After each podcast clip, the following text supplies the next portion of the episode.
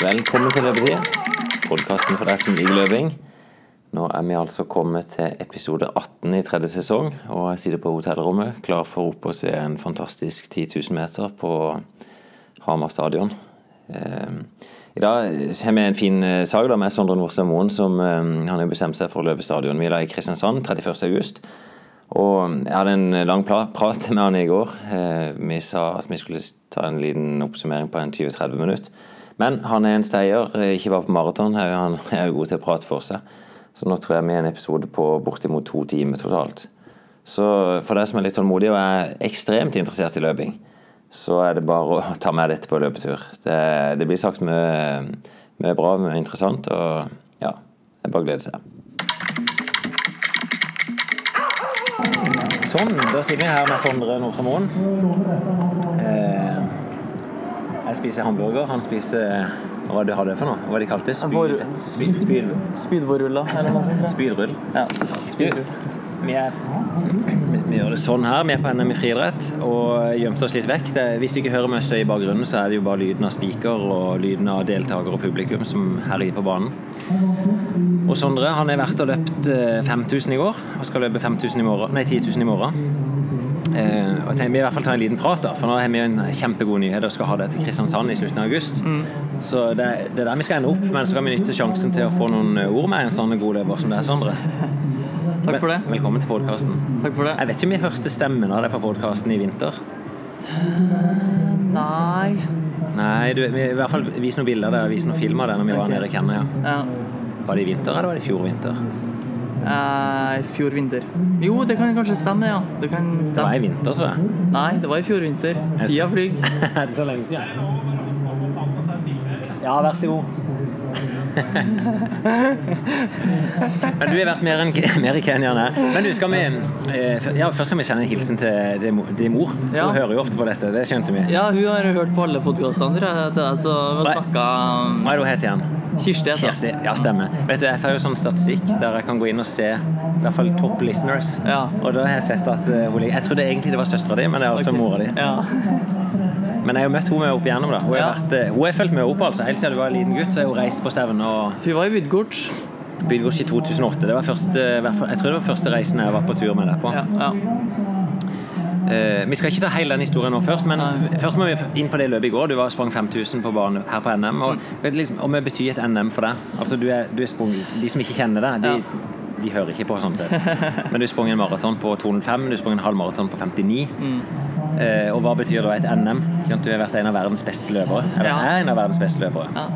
Eh, nei, NM er mm, Det betydde jo Et NM-gull kan du si betydde nok kanskje enda mer eh, for meg for 10 år siden. 10-15 år siden.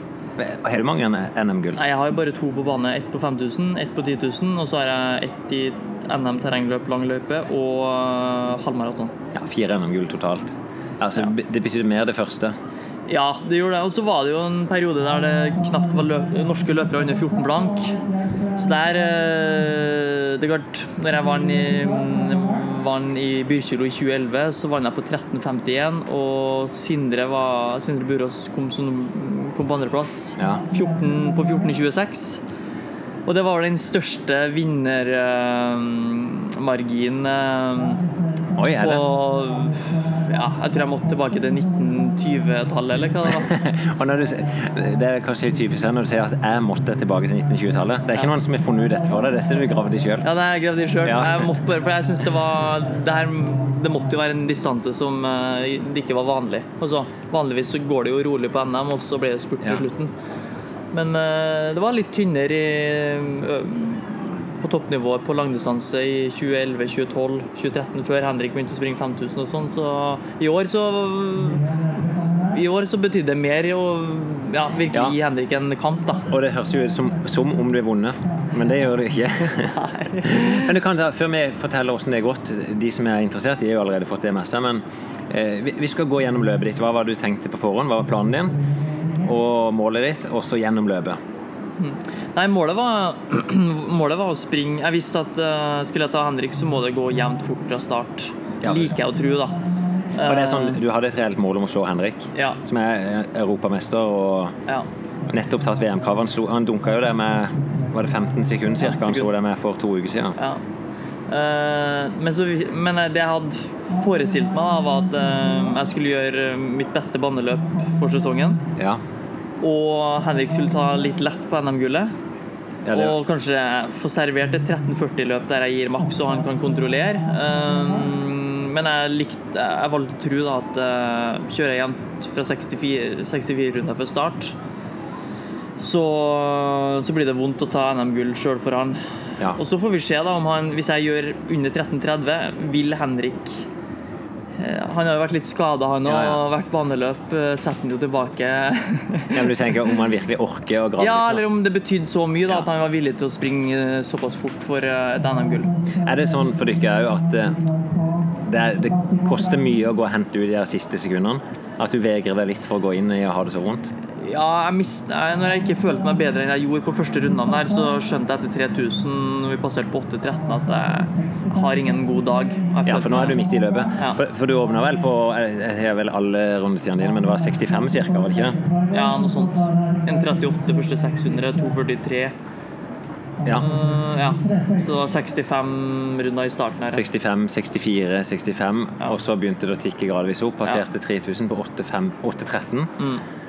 Og liksom følelsen din da, når du passerer der Du er, du er Henrik i ryggen, og Mm. så bak der følger Per Svela, som er løpt på 13.35. Mm. Og Marius Vedvig var jo med, han er løpt på 13.29 år, så det Ja, han var bort Ja. da, da. Men det startfeltet er jo Jeg ikke, vet ikke om det er tidenes, men bortimot det sterkeste startfeltet som har vært. Ja, altså når det var Det var vel et bra felt der i Der i 89 eller 90.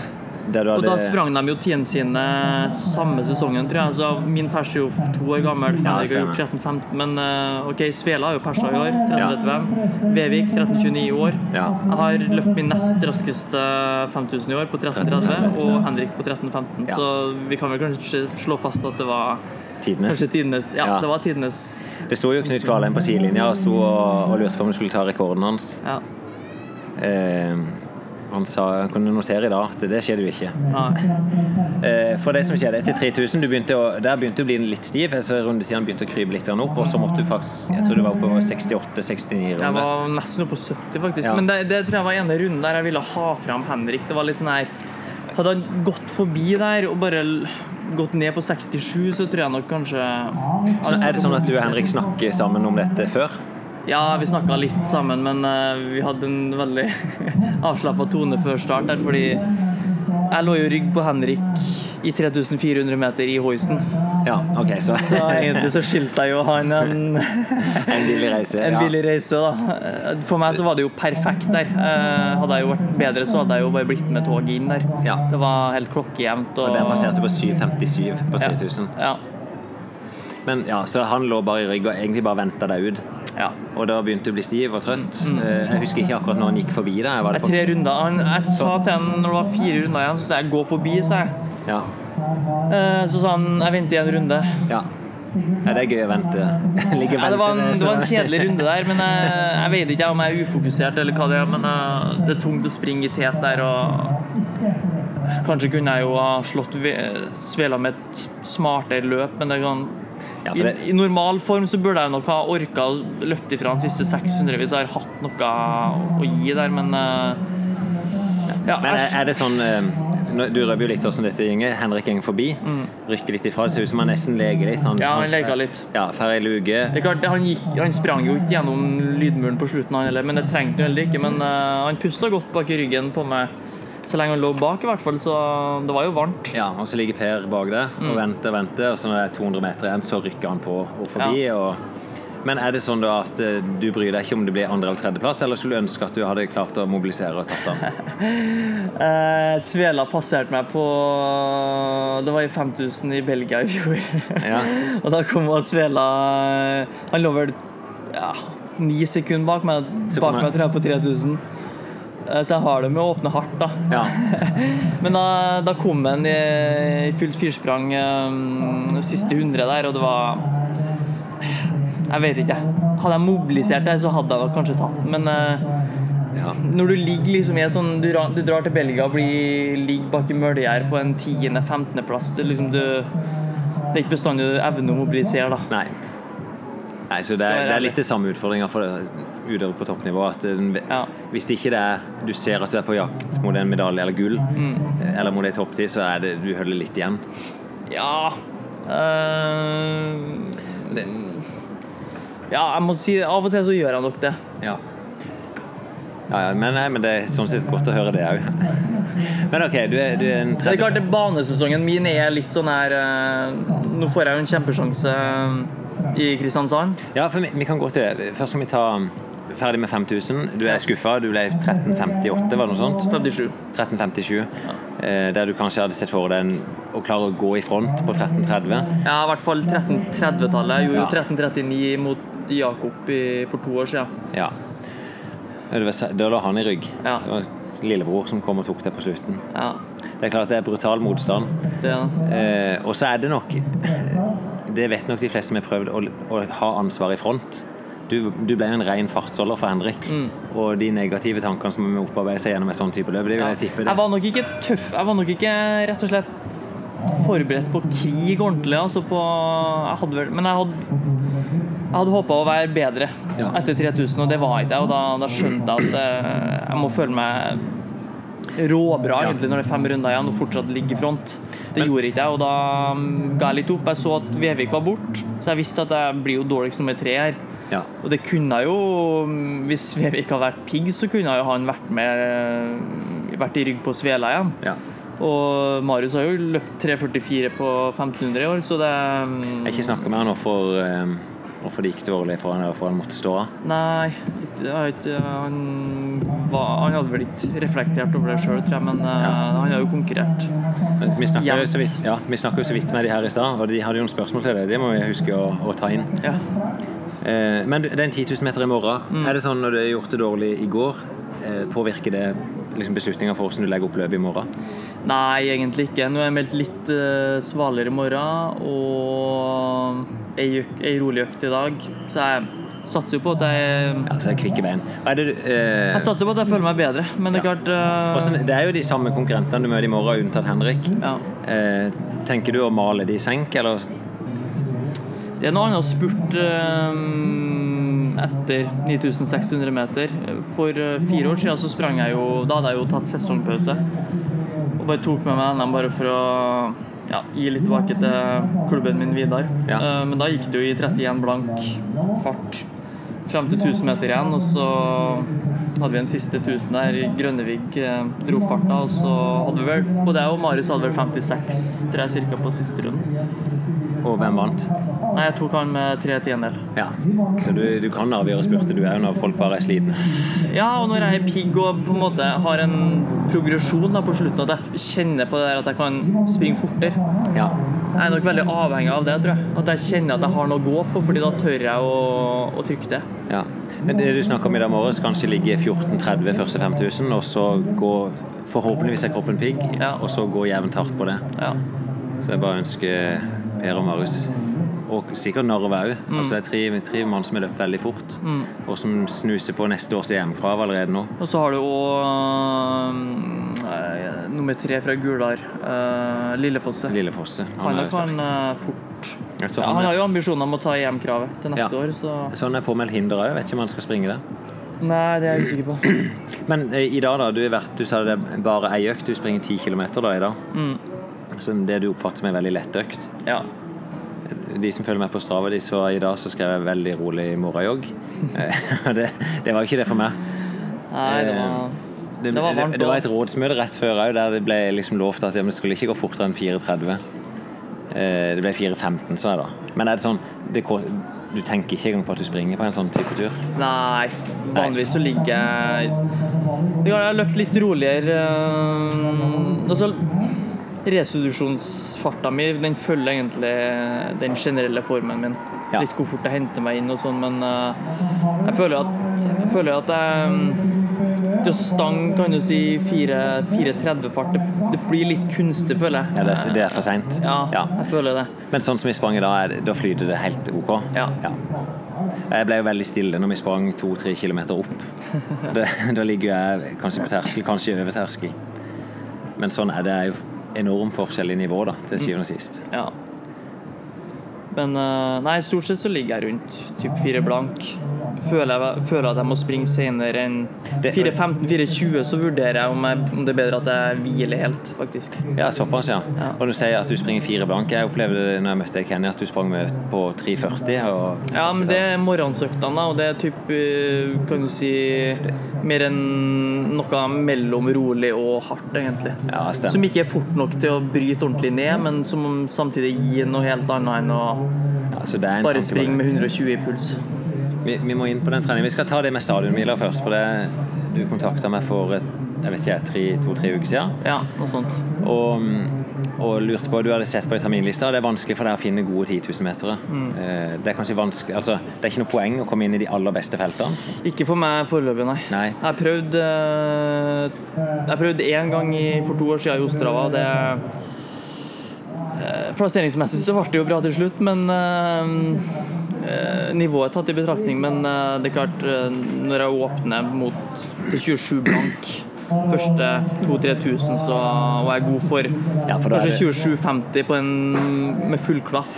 Da er du ned mot pers på 5000, Ja. og det nytter ikke. Nei. det blir fraløpt. Eh, Det er nesten umulig å gjøre det alene når du ligger helt på marginene. Ja, så da har jeg sett at ok, det er mulig Stevnet vårt i Kristiansand det er approvert, og det kan kvalifiseres til et VM. Eh, Så nå har vi i hvert fall blitt enige om å lage en ordentlig rigg der. Eh, Vi syns jo det er veldig stas. Eh, og nå driver vi og appellerer til dere som hører på, selvfølgelig, men òg til hele Kristiansand om å være med og støtte opp det, om å, liksom gå for et rekordforsøk. VM-kravet er jo såpass nært norsk rekord. VM-kravet er jo 27,40. Ja. Eh, norsk rekord er 27,32. Er det sånn at i det løpet kommer du til å styre mot VM-kravet eller norsk rekord? Det er VM-kravet, men det er klart eh, Hvis jeg føler meg sprek når det er la oss si 3000 igjen, Ja. så er det nok eh, vil jeg nok eh, allerede da prøve å ta Et Om ikke et sekund, så i hvert fall eh, 05-07 per runde. Altså for å Det er klart, har du krefter igjen, så kan jeg jo gjøre 60 på siste runden, hvis jeg vet hva det, hva det står om.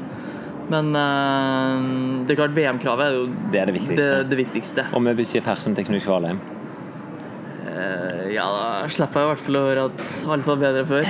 Ja, det er Så, sant. nei, men det er klart um, I forhold til det jeg har gjort på veien, så er jeg jo 27-32 på en måte et realistisk mål. Eh, persen min på fem er jo fikk kanskje ikke en Are uten maks det han var god for på fem, men han, han var jo en 5-10 000 meter-løper. Jeg gjorde jo Ja, 13,20 som maratonløper for to år siden. Så Ja, du snakker om Aron Akkim. ja, så han har vel eh, tre tiendedel bedre enn meg på 5000, tror jeg. Stemmer. Så Og så har du hørt podkasten til Jan Post og Kristian Ulriksen, der de snakka med Jon Halvorsen, som er jo i 1320. Han sier jo samtidig og sier at han nok var god for 1310. Ja. Og det kan nok ha vært tilfellet med Are og de òg, at de ikke har fått ut sitt beste. Nei.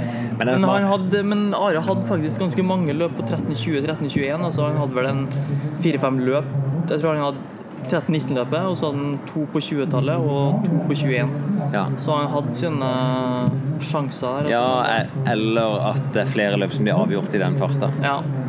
Men det det er mange som kan si det etter karrieren sin og sagt, liksom beregnet hvor fort de skulle løpt. Jeg tror Den dagen jeg sprang 13,20, så var det det var, opp, det var optimalt for meg den dagen. Altså. Det var helt på håret.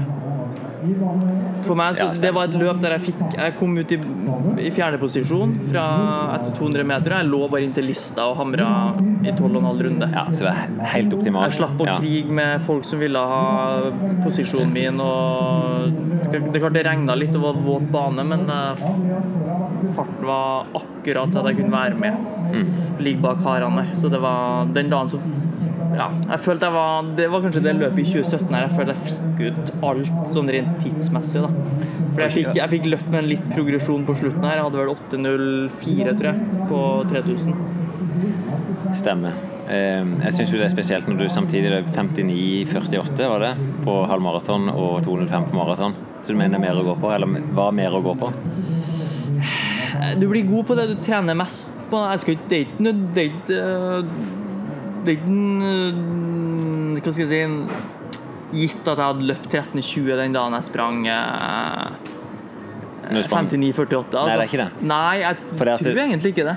det du sier, du retter treninga spesifikt mot 5000. Og det eh, vi, vi kan ikke ta hele historien der, men den sesongen da retta du veldig mye fokus mot banen tidlig, gjorde du ikke det? Og fikk opp farta. Ja. Um, jeg mener, husker du sa til meg at du liksom Den første bekreftelsen på at du var på rett vei, eller hadde trua på at du kunne bli god, var at du plutselig sprang på 7,50 på 3000. Mm. 752. 50, sorry, 52. Og så fikk du en 5000-meteren, Mm. og så plutselig dunker du halv maraton på 59. Ja. Eller det er vel kanskje mer riktig å si at for oss plutselig, for, for din del, så er det sikkert ikke opplevelsen er nok ikke at det plutselig bare skjedde.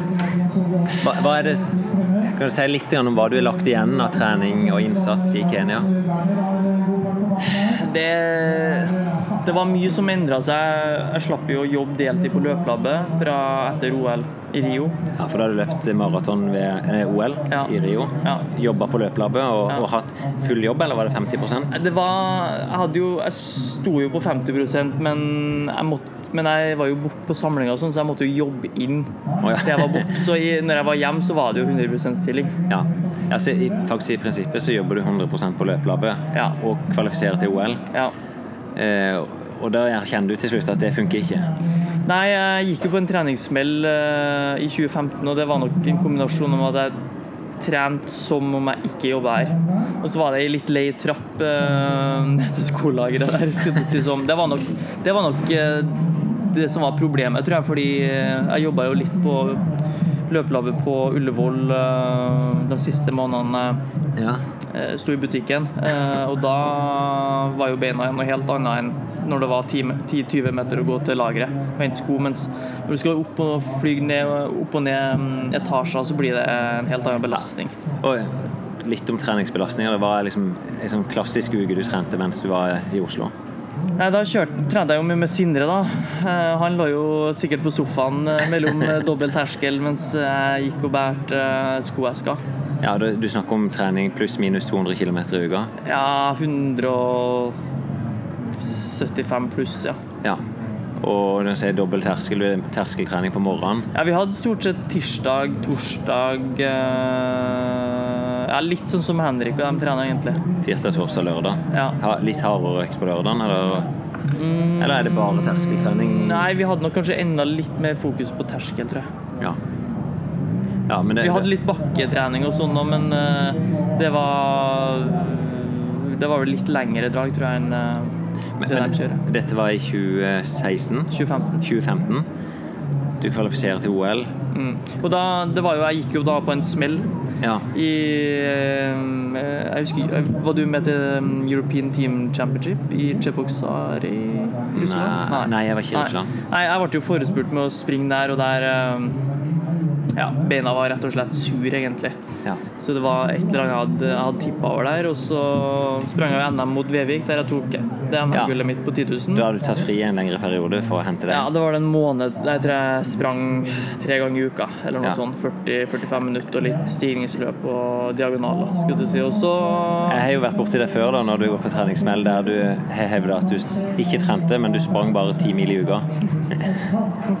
Så det er alltid viktig å avklare hva er å ikke trene. Ja. Det har jeg skjønt. Ja. For jeg har utøvere som de drømmer om at de en gang i livet kan trene ti mil en gang på ei uke. Men det er greit.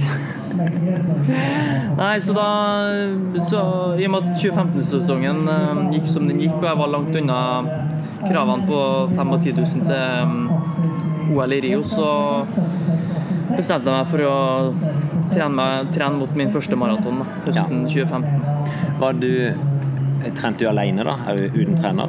Trener? Eh, Jeg måtte avslutte med Frank i eh, Det var begynnelsen av oktober. Ja, Året før, ja. ja i ja. Så, du, så du gikk inn i vinteren og, og var din egen trener, eller oppsøkte du allerede da Renato Canova? Eh, jeg trente litt med Renato Jeg var med et par økter på våren 2016 her, Ja. var i Kenya. Men det var, det var ikke Altså, han trente meg ikke der. Det var mer eh, Noen av utøverne hans skulle ha noen mellomharde Ja, ble, intervaller. du ble med på noen økter. Ja. Um, men ok, du er med til OL, uh, og så etter det så bestemmer du at nå kjører jeg. ja. Er det sånn? Mm. Uh, og hva gjør du da? Nei, jeg, jeg, sendte, jeg hadde jo til jeg hadde jo mailen til Renato, så jeg sendte jo han en melding og sa at jeg var på utkikk etter eh, en ny trener. For jeg, mm, jeg la jo en plan med Frank i august-september der for eh, den eh, høstmaratonen i 2015. Ja. Å ta kravet. Og det var litt bak det norske, særnorske kravet, men jeg var jo godt under det, Det internasjonale. internasjonale kravet. da. Så vi la en plan fram mot eh, det maratonløpet, og den, den holdt jeg. Eh, Så jeg dro nå til Kenya for meg sjøl og gjorde økten. Eh, Fikk noen til å gi meg drikke og sånn underveis på langturene. Ja. Eh, og det samme gjorde Og så når jeg da Jeg var ikke trygg på at jeg ble sendt til OL med det, det løpet jeg gjorde, da. På 2.12,54. Kravet var vel 2.12 blank. Så over nyttår igjen så var planen å springe i London. Trene seg opp til en ny maraton. Ja, London Marathon, Ja, stemmer. kom under 2.12. Eh, Men så var det da krefter i Friidrettsforbundet som eh, mente at jeg Så kom et forslag i, inn mot Olympiatoppen i midten av februar om at jeg kunne vise form på halvmaraton. Stemmer. Og ja, ha litt tett kontakt med de utholdenhetsansvarlige der. Eh, så at, de, at vi hadde litt kommunikasjon på hvordan treninga mi gikk, da. Målt opp imot Ja. treninga mi før 2.12. Og at jeg kunne bli tatt ut da på å vise eh, bekreft form egentlig på et par halvmaratonløp på våren. Så det ble jo at jeg gikk for det i stedet, da. Ja. Men eh, jeg skulle gjerne ønske å bli tatt ut, fått klarsignal mye tidligere, fordi det ble eh, Jeg starta maratontrening i, i hele januar, og så måtte jeg avbryte det litt igjen i februar, men så måtte jeg også vise at jeg kunne springe 63 lav på halvmaraton. Ja, så du måtte innom det. Så jeg måtte være på hugget egentlig men hele eh, veien her. i en sånn oppbyggingsperiode, er du ikke så god form at du bare kan gjøre det? Eller må du liksom forberede til løp og legge inn en form til oppbyggingsperiode? Eh, Jeg tok noen OL-vaksiner i februar, og da ble jeg faktisk litt smådårlig et par dager. Så det var, jeg var faktisk litt i tvil en periode der om jeg faktisk kunne gjøre under 1.03. Ja. Så Men gjorde du under 1.03 òg? 1.02,45 eh, Ja. i Haag var. Ja, så da, var du liksom, da visste du at det blir OL. Men nå gikk vi langt tilbake, for vi egentlig var vi forbi OL. Ja. Inn mot Renato Canova og treninga du har gjort sammen med han etterpå. Mm. Nei, så etter jeg tok kontakt med han, så svarte meg og sa at eh, ja, han eh, Som du vet, så er jeg travel. Jeg er på farta hele tida. Jeg kan ikke følge deg opp 365 dager i året, men eh, når du er i Kenya, så kan vi jobbe sammen. Og så når vi ikke Når ikke jeg er tett på deg, så må du være flink til å gi tilbakemeldinger underveis. da. Kan du si litt om hvem han er? Han er en eh, Jeg husker ikke om han er lærer, eller hva, det er, men han har i hvert fall studert um, idrettsfysiologi Ja. på universitetet En litt eldre italiensk Ja, han er, blir 75 år i år. 75 år. Oi, ja, så er han, drev, han har drevet med Så han, eh, ja, han forsto egentlig når han var en 17-18 år, tror jeg, at han ikke kunne bli supergod i idrett, så han valgte å gå for studier. Ja. Eh, han har vel testa ut alt av friidrettsgrener, egentlig. Alt fra Ja. mangekamp til 100 meter til maraton. Um, øh, men det var, var vel mangekamp egentlig han var best på, da. Oh, ja, Eh, det visste jeg ikke. god, allrounder, skulle du si. Så han, han starta trenerkarrieren sin med å trene Mens han fortsatt var litt aktiv, så trente andre utøvere da, eh, for mangekamp. Eh, Og så ble han eh, etter hvert ansvarlig for eh, for sprint og, og mangekamp. Da. Eh, Det der var typ 60-tallet. 65, sent 60. Og så gikk han egentlig gradene over på mer mellomdistanse og langdistanse. Eh, Så var han eh, headcoach for det italienske maratonlandslaget i ja, det var den to-tre olympiader, tror jeg.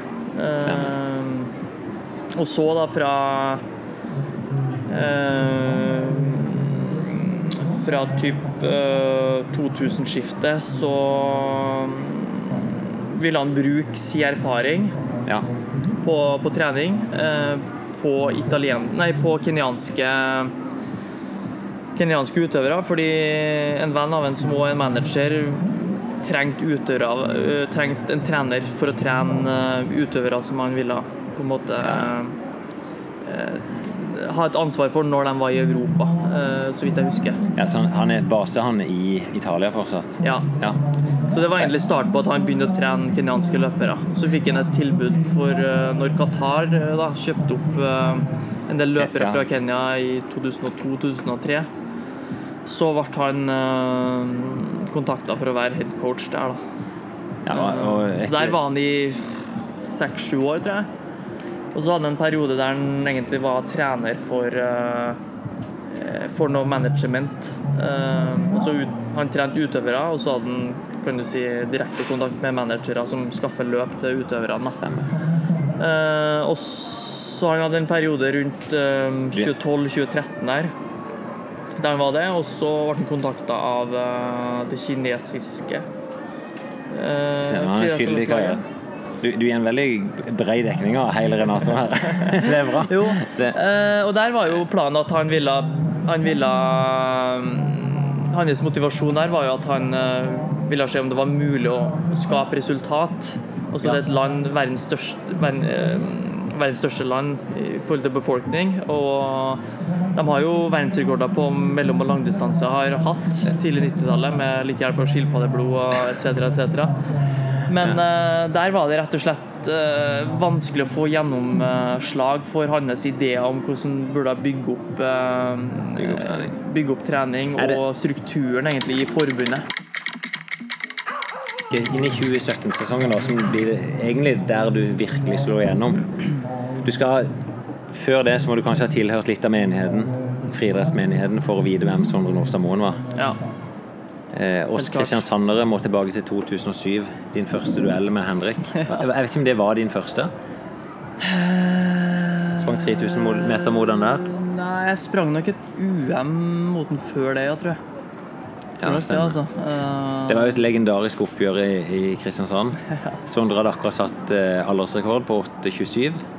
Henrik vet jeg ikke hva hadde løpt jeg tror han hadde 8,30 et par uker før det, før jeg sprang Stemmer. 8,27. Så visste vi at, at Henrik han var bedre enn det. Eller nei, han var raskere enn det. Han var raskere enn meg. Ja, Han Og- vant vel 800 tror jeg faktisk, i samme mesterskapet.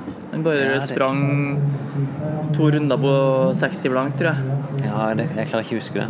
Så, Ja, ja. Sitter vi i veien for nå? Du, vi sitter bare og spiller inn en podkast. Ja, men det er greit. Det, han vant 800, stemmer det. Og så var det jo litt av samme opplegget som du kjørte her i går. Sondre Nordstad Moen tenker jeg skal bare trøtte denne mannen ut. mm, I vind på Kristiansand stadion så sprang du 8,29. 8,29. Og Henrik 8,30. ja, kom ut på sist langside. Egentlig hele publikum, som, i hvert fall de som kjente det ikke, visste at nå kommer rykket til Henrik, men det kom aldri. Det var det Sondre som bare peisa av gårde. Jeg snakka litt med Sindre i går, da lurte vi på hvem som har vunnet flest dueller du og Henrik imellom. Og da sa han at eh, det må du spørre Sondre om. Og det har han nok et tall på. Ja. Eh, du tenker på bane, eller tenker du terreng og Ja, vi kan totalt sett Totalt sett Jeg tipper han leder en to-tre løp over meg, over meg nå, altså. altså, Hvis du hadde vunnet i går, så hadde det vært ganske jevnt. Ja, jeg mener det, altså. Ja. Fordi jeg tok en på en del junior eh. Har Ja, ja. gjort i junioralder, i hvert fall. Ja, Du har nesten tatt den på samtlige, vil jeg Ja, tenke. så det kan, være, det kan være ganske jevnt. Men jeg har en aning om at når du tar med baneløpene, så har han nok to-tre løp der har slått Ja, meg. Dere har fulgt hverandre hele tida. Ja, men eh, det er klart vi har konkurrert ekstremt lite mot hverandre. da. Altså Når vi sprang mot hverandre i Hoisen på 5000 for uh, to uker siden, så var det vel Sist jeg sprang mot den, var vel i desember eh, 2011. Så Ja, på EM terrengløp, der Ja. dere ble tok gull som lag. ja. Ja, stemmer. Så det var spesielt ble- å springe mot Henrik, altså. Der. Han vant der, gjorde han ikke? Var det det? Eller var det der han ble nummer tolv? Nei, jeg ble nummer tolv, tror jeg. Ja. Uh, Du ble Nummer eh, tre tre ja, i U23. Stemmer. U23-klassen. Så, det var men, på eh, vei tilbake. Ja, Men tilbake til Canova. ja. Jeg, jeg, sendte, en, mail- jeg sendte en mail. Målet var jo for meg, Jeg hadde to mål for 2017-sesongen. og Det var å springe norsk rekord. Ja. Være den første som springer under 2,10. Eh, og så hadde, vi også, hadde han òg en visjon om at um, banepersene mine var såpass gamle egentlig at jeg burde komme ned mot dem, i hvert fall. At Ja. vi hadde, skulle ha det som som også heve den basisfarta, egentlig. Eh, Ja. Opp et hakk Er, er tanken litt for å springe fort på maraton, så må du ha enda litt mer fart på de kortere distansene? Ja. At det begrenser deg, egentlig? Ja. Men det var òg litt det der at jeg hadde, hadde jeg gått det er flere år uten å ha fått løpt eh, et internasjonalt mesterskap, og jeg jeg følte liksom at eh, 27,45 burde ikke være så veldig langt unna da, med, Stemmer. med kontinuitet i treninga. Så det var de to målene. Så vi, vi start, Jeg husker de to første første treningsprogrammet Renato sendte meg, var da, var det baneøkt, liksom, og det der var i det der var vel i slutten av september. 2016? Ja, Ja. ja. ja. Så jeg har aldri sånn, Med min tidligere trener så la vi jo bort piggskoen egentlig i slutten av august. Og Ja. trente bare basis gjennom hele vinteren. Men han ville ha meg på banen allerede med ganske høy fart. Jeg husker den første baneøkta han ga meg, var vel 10 ganger 600, 10 ganger 400 og 10 ganger 200.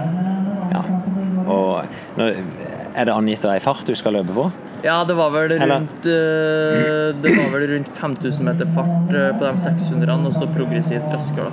Ja, så det er sånn han oppgir farta. Ikke nødvendigvis ei tid, men ta utgangspunkt i 5000-farta di nå. Er det sånn? Ja, eller det som var persen min da, da. Ja. Så det var jo de 600-ene gikk vel på ja, type 1.37-1.38 eller hva det var. ja. Mm. Og eh, jeg klarer ikke å regne om det på sparket, men det er på Ja, det er kilometeren. 1330, det er 242 på kilometeren. kilometer. Ja, så er det rett og slett raske intervaller på banen. Ja. Ja, så det er ganske stor brekk i forhold til det du hadde gjort før. Mm. For, sånn jeg forstått før, det er basert på stor mengde, mye terskeltrening, og så spissing da inn i konkurransesesongen. Ja. At du tilvenner det som du skal bli god på. Så vi starta egentlig med å legge inn trening for å jobbe med biomekanikken. Eh, springe mer avslappa i løpsfart. Så en del av de øktene han gir meg på banen, er rett og slett for å lære seg å springe avslappa. Altså. Fordi Ja. det har jeg slitt med før. Jeg har hatt veldig god terskelfart i mange mange år, men når jeg springer overfart, så har jeg ikke klart å få det ut, rett og slett. Og det tror jeg har en sammenheng med at jeg ikke har knekt helt den koden med å springe avslappa i høyere fart. Og jeg er jo, jeg er jo ikke superrask av, av natur, men eh, jeg vil heller ikke si at jeg er den tregeste. da. Nei, men det var, Hvis du ser tilbake som junior òg, så du og Henrik sprang jo nesten identisk, rundt åtte blank. Og så slo han deg med 15 sekunder nesten på en 1500. Ja. Det er ganske ekstrem eh, når du begynner Han gjorde vel 3,50 som 17-åring, og jeg gjorde 3,54. Ah, ja, men det, så, Som ung løper så var det ikke så stor forskjell. Nei. Men godt sin retning. Men da sier du fra september 2016 du begynner å trene med Renato, og egentlig setter mål om å få opp farta. Og da er det, liksom, er det baneløp som er det første målet, eller er det en plan om at det skal komme en maraton på slutten? Um, nei, det ble jo ikke noe med Jeg henta meg jo inn en måned og trente ikke så mye etter OL i Rio. Så augusten og halve septemberen var egentlig ganske lett trening. Og så Første steg på veien var egentlig å springe EM terrengløp Ja, i desember. Så det var liksom et mål på veien, men vi allerede i oktober Allerede i første samlinga mi med Renato i november, så så gjorde jeg jo en 40 km. Ikke veldig fort, Ja. men vi hadde allerede elementer for maraton allerede da. da. Men han, det var flere ting han ville eh, på en måte studere i forhold til hvilken type løper jeg var, hva er Ja. svakhetene mine og sånne ting. Så det var Og det, det gjør han gjennom treningsarbeid, da. Ja. Ja, og tester det egentlig på forskjellige ting. Så han er jeg, vil, jeg liker si eller, jeg liker å si at Renato er like mye en skredder egentlig som en trener egentlig. Han har jo sine trenings eh, Han har jo sin treningsfilosofi, men han, er jo, han har jo en særegen evne til å skreddersy det du, en utøver trenger der og da. Så du kan si at det, det er jo en fordel når jeg er Når han kan være tett på meg i, i lengre perioder. Eh, når det er sagt, så jeg så øh, har jeg drevet på med det her såpass lenge òg at jeg øhm, Jeg kjenner jo litt hva som funker og hva som funker dårlig, men øh, Ja. jeg føler fortsatt at jeg ikke sitter på liksom fasiten for meg sjøl ennå. Altså. For hva som er den beste treninga. Nei. Nei. Og Eh, Men hva er liksom hans filosofi, hvis du skal koke det ned til hva er liksom hans retning innenfor distanseløping? Nei, han mener jo at øh, Han mener Han mener at du bør jevnt over hele året jobbe med med legg til ting da, som du ikke Altså Du må hele tida spille på dine styrker, men du må eh, Du må hele tida utvikle deg. Ja, Dette blir sånn ulystig men hva betyr det sånn i praksis? Nei, altså Hvis du kjører f.eks. 10 ganger 1000 Ja. meter på tre laktat, da ja, en typisk sånn standardøkt som, vi er vant til å kjøre? Når du kjører i standardøkt, så er de fine å ha innimellom, men, etter, men de må på en måte øh, utvikle seg. da Altså Enten om du kutter i pausen, eller om du øker antall drag, eller om du øker draglengden. Altså, du må gi kroppen følelsen siden ny stimuli. Ja, egentlig det. Ja. Sånn det er veldig kan du kjedelig. ikke gjøre hele tida, så klart, men for meg så var jeg vel eh, litt sånn at jeg det siste året når jeg trente for meg sjøl, så var jeg, følte jeg vel at det, det ble mye det samme, da. Mm. Jeg fikk jo hele tida sammenligna med meg sjøl, men det stoppa på en måte opp. Ja, og Det var det du opplevde med det gamle regimet ditt? Ja. Og tid vil du si at eh, du begynte å merke noe fram Altså skjønne at dette opplegget med Renato, det funker? Nei, også jeg sprang jo, jeg- sprang jo et NM terrengløp øh, Det var to uker etter han ga meg det første treningsprogrammet. Og det var Da hadde jeg jo Før så trente jeg jo liksom terskel annenhver dag. Dobbelt terskel Ja. ofte. Og vi, jeg bare jogga egentlig to ganger 40-45 minutter øh, Imellom, på dagene imellom. Og det var sånn typ 4.30 fordi jeg var tung i beina. Ja.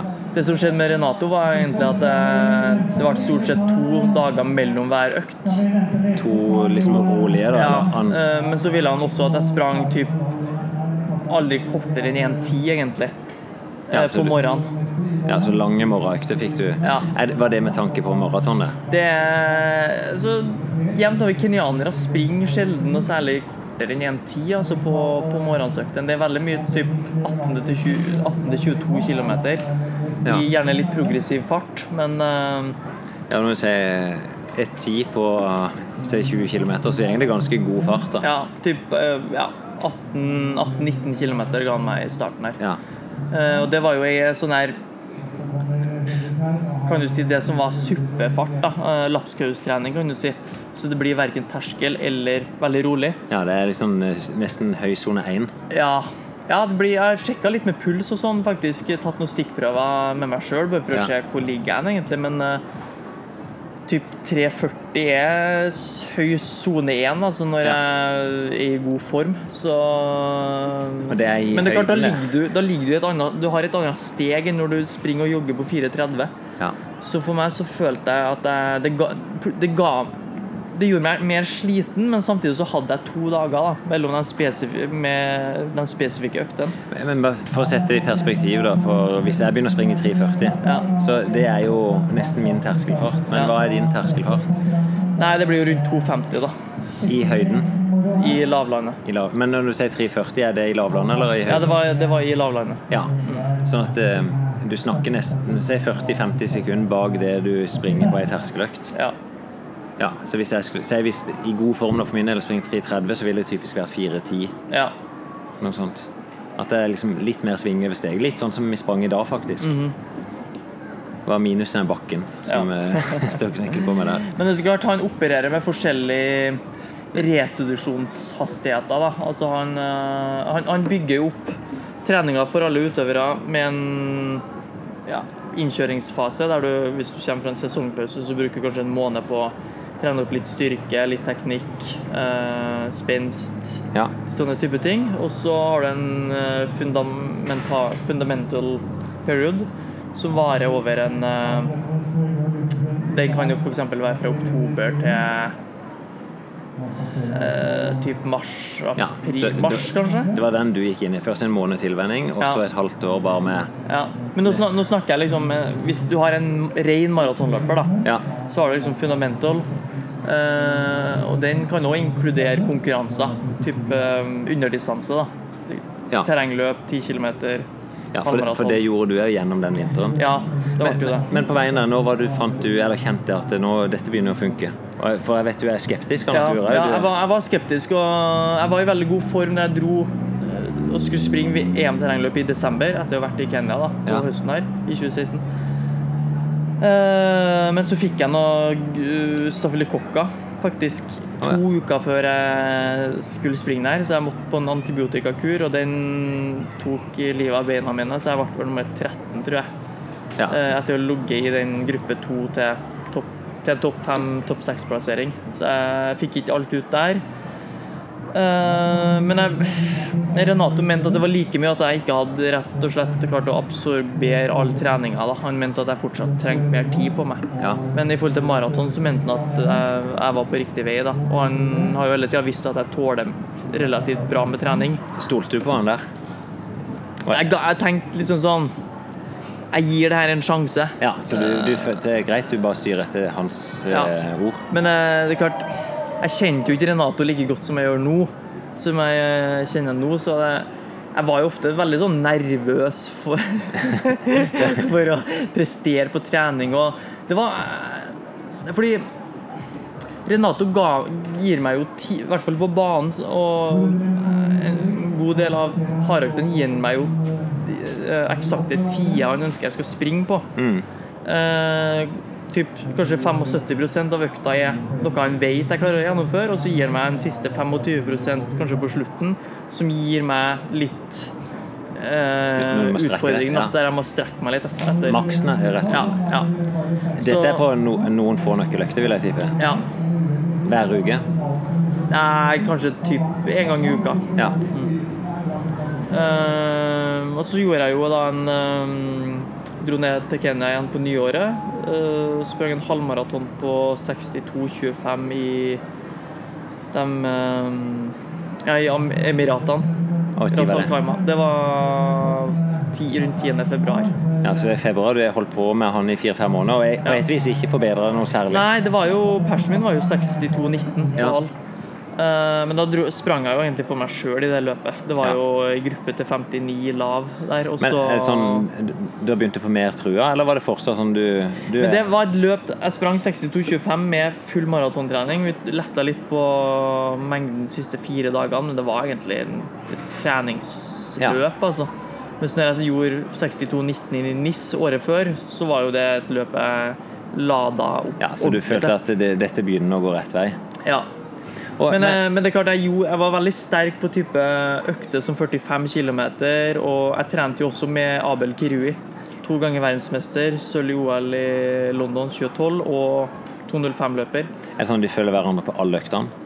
Nei, det var, var kvalitetsøktene og noen av langturene. Ja. Så du kan si de dagene mellom kvalitetsøktene så springer jeg for meg sjøl, da. ja. Ja, men du trente med han. Fikk du en bekreftelse at du er på vei, da? At Ja, det var enorm inspirasjon å se at jeg Det er klart, jo lenger jeg er i Kenya, jo mer akklimatisert blir jeg jo òg. Ja. Så det, jo, det er jo ikke bare at den blir i bedre form, nødvendigvis, men det er jo at den eh, tilvenner seg høyden. Men jeg så jo at jeg tok innpå han. Ja. og han sprang 2.07,45 i London ja. et par uker etter jeg sprang 2.10. Så, og han gjorde òg 1.01,30 samme helga som jeg gjorde eh, 62,25. Og jeg var, sprang jo med han på baneøkt og sånne ting, så jeg følte jeg ikke var så altfor langt unna. Så, Ja. det, så tenkte jeg, når han gjør det der, hvorfor skal ikke jeg mm, Ja, så- så kunne være i nærheten? Det er litt av effekten med å trene med de beste. Mm. At du, nærmere, du flytter dine egne mentale grenser. Ja. Men du var jo på vei da inn til å springe 3000 og 5000. Så du, men du trente maratontrening, sier du? Også, Mm. ja.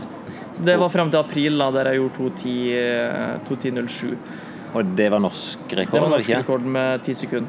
Jeg fikk litt sting på slutten her, så det, det røyna litt på eh, med tanke på å springe under 2.10, men eh, Dette var i april 2017, et Ja. halvt år før du setter da europarekord. Mm. Fem minutter kjappere. ja. Tøft. Så, så så da ble det april. Da tok vi to i all uke. Der jeg, første tre dagene etter maratonløpet så trente jeg ingenting. Det er helt fri. Det er helt fri. Ja. Og så sprang jeg Jeg må bare spørre, Blir du lemster du etter maraton?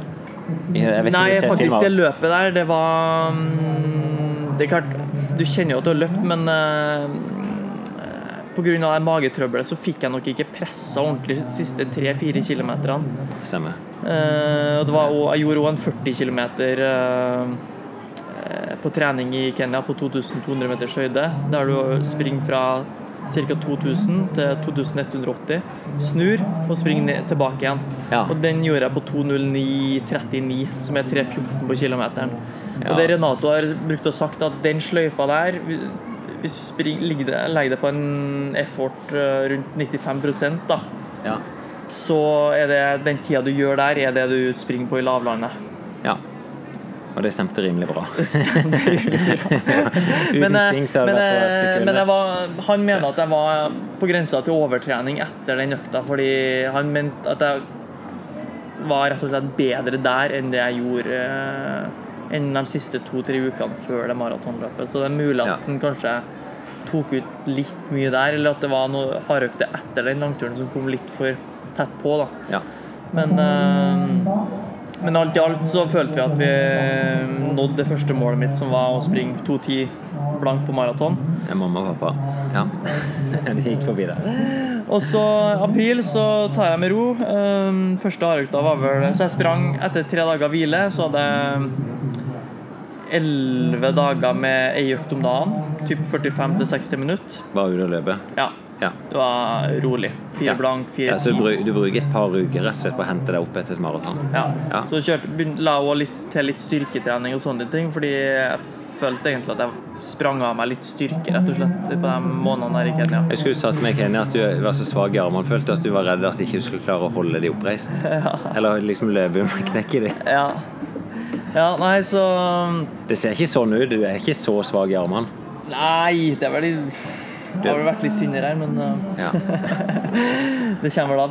Men uh, hva skal jeg si uh, Og da fra slutten av april så, um, så er det egentlig fokus på å spisse mot en tier da, i slutten av juni. Tida på bane. Ja. 10 000 meter på bane. Ja, Så da begynner du å legge inn løpet inn på banen. Mm. På veien der springer du 3000 meter, er det det? Nei, jeg springer faktisk bare en 5000 meter og en elendig 1500. På? Eh, det var 1345. Ja. Det var et lite stevne i Italia. 1345. Jeg trakk noe, tre visdomstenner ti dager før, så jeg, Kroppen var litt dårlig et par dager, men jeg, det var egentlig det jeg var god for der og da. Altså 1345. Og så dagen etterpå så Tipper du var skeptisk? Ja, jeg hadde jo gjort, jeg hadde gjort fem ganger 6 ganger 500, tror jeg, på 1.15 sånn 1,14 eller noe sånt. Det var vel det eneste som kunne minne om noe 1500 meter-økt. Ja. Eh, åpner på 2.02 eh, med masse armer og bein og posisjonskriging, skulle jeg si. Og kom vel inn på 3.52, tror jeg. Ja. ja, ja Stokkstiv. Du løp på 3.40 3.48 i ei mengdeuke i 2014. Ja, Eh, og da, ja, Renato bare Vi tok det bare med et smil, rett og slett. Han, ja, han er eh, lugn, han da. ja, det er aldri at han Om han er superhappy, så er det aldri at han hopper til himmels. Og om han er ordentlig lei seg, så er det aldri at han graver seg ned. Han Nei. holder seg ganske gjennomsnittlig altså på alle mulige måter, så han er veldig mm, Han er ikke så forskjellig fra deg. Nei, jeg vet ikke. Jeg er vel litt mer sånn her enten-eller, da, men uh, Jeg har ikke sett deg hoppe av glede. Eller vet Men det har vel skjedd meg skuffa. Ja, ja, definitivt det. Ja, så jeg kan ikke Jeg ikke på hans du, du er ikke høydøren, men du har bånd. Ja. ja. Det Ja. For du, du er jo kritisk til deg sjøl. Det har jeg sett. ja. Nei, men det var, det, det var sånn her Jeg hadde jo egentlig ikke tenkt å springe 1500 der, og det var 28 grader og høy luftfuktighet sent på kvelden her eh, på den 5000-meteren. Og hovedstevnet var egentlig dagen etterpå. Ja. Fordi den 5000-meteren var approbert for eh, en annen kenyaner som Renato trener, Ronald Ja. Kvemoy, som kom fra seier i Diamond League tror jeg, på mile i Eugene et par dager før, og som skulle springe eh, Prøve å ta kravet på, fem, på 5000 der, da, for han skulle dra rett til Kenya for å springe nationals. Ja. Men da måtte han ha VM-kravet. Så han missa vel det med en tre sekunder, tror jeg. Så var det jeg også to andre. Men, eh, så den 1500-en var sånn her OK, vi reiser ikke før i morgen, så hvorfor ikke bare ta 1500 som trening? Ja. Men jeg tror han var litt sånn her like interessert i å bare se meg springe en 1500. ja se, hvor er du? Hvordan ser du ut? Ja. Uh, så, så dro jeg til høyden. Uh, gjorde Ja. gode baneøkter. Dro til Osterhava. skulle springe eh, 27,45, men uh, uheldigvis så var det mye vind, varme. Eh, det var et løp som var satt opp for Mo Farah, så jeg var nå med første to-tre kilometerne, og så måtte jeg bare danne baktropp. Kom vel inn på 28,15. Ja, men det var noe av det beste du har gjort. Det var det ja, det var pers faktisk med 10 sekunder. Eh, men det var god positiv splitt. da. Det var 13.51 og 14.24. Så det var, ja, det var et sliteløp. Så dro jeg til St. Moritz, Ja. eh, der Ingebrigtsen-brødrene og jeg var. Trent egentlig bare langturer på 50-60 minutter i uke med en fartsleik Ja. midt inni her på en time. Kjørt samme dag ned til Italia for en 3000 meter. Mm, fordi da, fordi da, da visste vi at eh, det er ikke sjanse å kvalifisere seg til 10 000 meter til VM, så vi, vi, vi prøver å finne to 5000 metere, og så prøver vi, prøver vi det. ja. ja for Og du da- ville springe VM 5000? Ja, jeg hadde lyst til å komme meg til VM, og jeg hadde løpt 13.30. og Jeg, jeg gjorde økter som Renato mente var åpenbart godt nok ved å springe 13.20, så da tenkte jeg OK, Ja. Bare finn og løpe nå.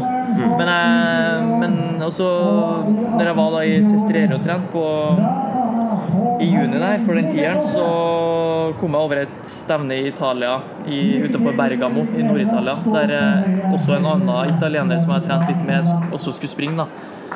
Og det var et løp for rundt åtte blank mentan. da. Uh, og Ja. da tenkte jeg ok, skal jeg springe 13,20, så må jeg i hvert fall klare under åtte blank på Ja, Persen inne var 8.01, var det noe sånt? Ja. Jeg I tenkte- samme løp når Henrik sprang 7.58, er det fra det? Ja. Ja. Uh, så jeg tenkte ok, skal jeg springe 13,20, så må jeg jo i hvert fall gjøre 8 blank, som er fart til 13,20. ja. Så jeg dro nå dit. Uh, ingen fartsholdere. Det går passerer det på litt over 2,40 første 1000. Og det, Det bare- det er den farta, det? Ja, i ei Ja. mølje der, og så går jeg vel egentlig opp på rundt 1400 meter og bare føler meg veldig, veldig lett. Springer 63, 62, 62, 61. Uh, og gjør 5-12 siste to kilometerne, som er 7,48-fart. Uh, siste runden var ikke noe sånn her enorm, det var det høy 60 eller 61. Ja. Og kom inn på 7,52. Ja, og da fikk du bekrefta at nå Ja, da tenkte jeg liksom at åpner jeg ti sekunder senere enn det her, så bør jeg føle meg bra, tenkte jeg. Ja. For jeg er såpass Det er ganske, altså du er ganske rå der at du kan tenke at kun ti sekunder sakte åpning, og det skal føles greit. Ja, men jeg er såpass altså Når jeg gjorde 13.30, Ja. f.eks. i 2011, så gjorde jeg jo åpningsstevne på 8.05 høy. Ja. Så hadde jeg vel en, et par rolige dager. En 8 km på Namsosløpet som en sånn slags hurtig langtur. To dager rolig til, og så åpnet, sprang jeg 13.33 i, i Nederland på 5000 med 8.04 da, Ja. første 3000. Altså to sekunder fortere enn det jeg sprang 3000 på uka før. Men da er spørsmålet er det fordi at jeg har for lite trening i den farta, rett og slett. Altså at jeg mangler fartstrening. Eh, ja. Men nå har du, du har gjort en fartstrening, og du har fått bekrefta at du er rask nok, og så dunker du Mm. Ja. 13.20. Ja, og jeg kom jo ikke inn Jeg var jo faktisk ikke invitert til det stevnet. Eh, Det var en liten misforståelse med, med mellom meg og manageren min, for hun trodde ikke jeg var interessert i å betale reise og opphold eh, for egen regning. Nei. Så hun hadde ikke meldt meg på stevnet eh, for å komme inn i f.eks. B eller C-heatet. Nei. Så jeg var faktisk ikke klar. eh, Jeg var ikke påmeldt, så fire dager før så var jeg sto jeg der uten løp, faktisk. Men så slapp jeg, slapp jeg inn i siste liten og fikk plass i B-heatet og sprang 13.20 og eh, tok meg til VM. Eh, så ble jeg forkjøla da. eh, Fem-seks dager etter det 13.20-løpet, så jeg var ikke helt i toppform da jeg sprang i forsøksheatet i London, men det var en veldig stor opplevelse å springe der. Og Og hva du sprang der? Var det, gikk, var det ja, jeg dro jo flere runder der. Ja. ja, det er noen fantastiske bilder der i front der. Og mm, jeg har sett på, på splittidene i ettertid, så hadde jeg jo så å si identisk løp som Sindre Burås i Moskva. Ja. Det var bare at han lå sist og ikke gjorde noe drajobb, mens jeg lå i front og gjorde drajobben. Og ikke hadde det siste giret siste tre rundene, egentlig. ja. Jeg var vel to plasser og fire sekunder unna den tiendeplassen. Og det, de dro egentlig bare sånn sakte, men sikkert ifra siste to rundene der. ja så Så det var ikke noe spurt, kan du si. Så, eh, men eh, det viser seg gang på gang at skal du ta et en finale på 5000 i, VM eller OL. Eh, så må, og du skal gå videre på 10, så må du være god for rundt 13-15. Ja. Så det, det var nok et lite skill det, det var nok det at jeg kom med 13,20 der, det var nok det som skilte eh, Ja. finaleplass. egentlig. Jeg var rett og slett ikke sterk nok til å bare Men gå- dette tok du på veien mot disse halvmaraton og Ja, altså, du kan si fra den maratonen i april til september, så gjorde jeg egentlig ingen maratonspesifikk trening. Det var jo noen langturer på 20 km, 22 km, men det var ikke noe Men du hadde bestemt deg, 40 du skulle fortsatt springe i Japan? Ja, det, det var ennå ikke avseggjort hvilken maraton jeg skulle springe, men planen var å springe en, en høstmaraton, ja. Ja. Jeg landa vel på Fukuoka i Ja, det var vel rundt midten av august. ja. Valencia var, var jeg klar for. ja Valencia var halvmaraton, og det var i, var det i oktober? Ja, så etter London så tok jeg tre nye uker i Oslo. Sprang NM mot Jakob, ble nummer to. Ja. 13.39. Det er fortsatt ingen egentlig som venter at det er så veldig store ting på gang. Nei. Du har liksom markert deg litt, til en knebe norsk rekord, kvaler så vidt til et VM, blir slått ut. Mm. Så fortsatt er det liksom bare ok, Sondre er tilbake, men han er ikke, han er ikke noen internasjonal løper. Nei. Så etter NM så sprang jeg også en, en ny 5000 meter, fordi vi trodde at jeg kunne springe et par sekunder fortere enn jeg gjorde i Hoisen. Eh, dro til Rovereto i Nord-Italia, sprang, passerte vel på 8.01. Veldig god harejobb, og så stoppa det egentlig opp, og ingen ville dra. Og så ble det en runde på 66 og en runde på 68, og så var jeg egentlig stiv når det var en runde igjen. Så kom jeg vel inn på 13.30 der. Ja. Etter det så dro jeg til høyden i Sestriere i Italia. Var der i åtte dager. Kjørte jeg husker ei økt jeg gjorde Det var det egentlig eneste Var ikke munnen. Det var det eneste hardøkta jeg gjorde før eh, det neste løpet mitt, da, som var en 10 km gate i Praha. Så det var tre ganger 15 km på banen der jeg sprang 2,50 Nei, Hvordan var det? 2,55, 3,10, 2,55, 3,10 og 2,50. Altså kontinuerlig. Ja, ingen pause, du bare veksler på farta. Ja, og så en lengre joggepause på typ fire minutter. Men 2,55 er ikke, det er ikke vilt, det for deg? Det er på, høy, det er på 2050 meter. Å ja. ja. Så du kjenner litt ekstra? Ja, det, var, det var faktisk litt sånn høstluft og sikkert på en 5-6 grader, så det var faktisk en ganske tung økt. Dro til Praha, sprang 27,55 med 13,44 første fem. Da skjønte du at nå er ting på gang? Da kom jeg, fikk jeg brutt den 28 blank-barrieren, og det ga Ja, når du, får, når du kjenner deg ned på 27, så begynner du å føle deg som en bedre løper Ja. med en gang, altså. Uh, og så da var det jo da en seksukersperiode i i Sestriere der vi ja, la til mer og mer element for maraton, men treninga var egentlig like mye Kanskje mest for halvmaraton, vil jeg si. Ja. Hva, hva er disse elementene du ikke legger inn? Det var Det var typ intervall på rundt eh, 16-18 km, mener jeg å huske.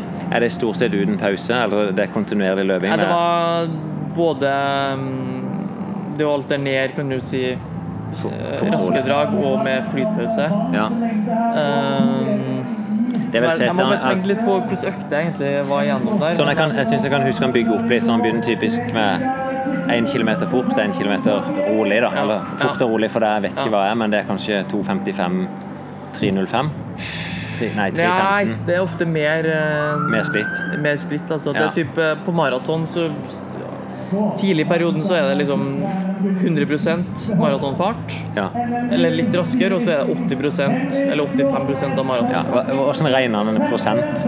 Nei, han har sin egen måte å regne prosent, da, men det, det, er ikke, det trenger ikke å komme det, det er ikke mange sekundene det er snakk om. Det er snakk om to-tre sekunder, men han deler Han deler ja, Jeg er ikke noen matematiker, men han har han regner de prosentene litt, litt annerledes, da. Men uh, det er typ, eh, for meg da så blir 305 det er jo typ 340 på kilometeren.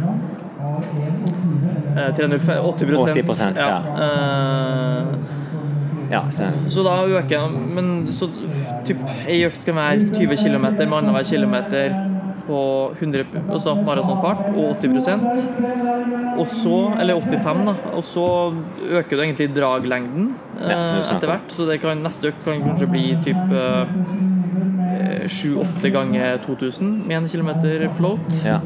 Samme intensitet på det lange. Ja. ja.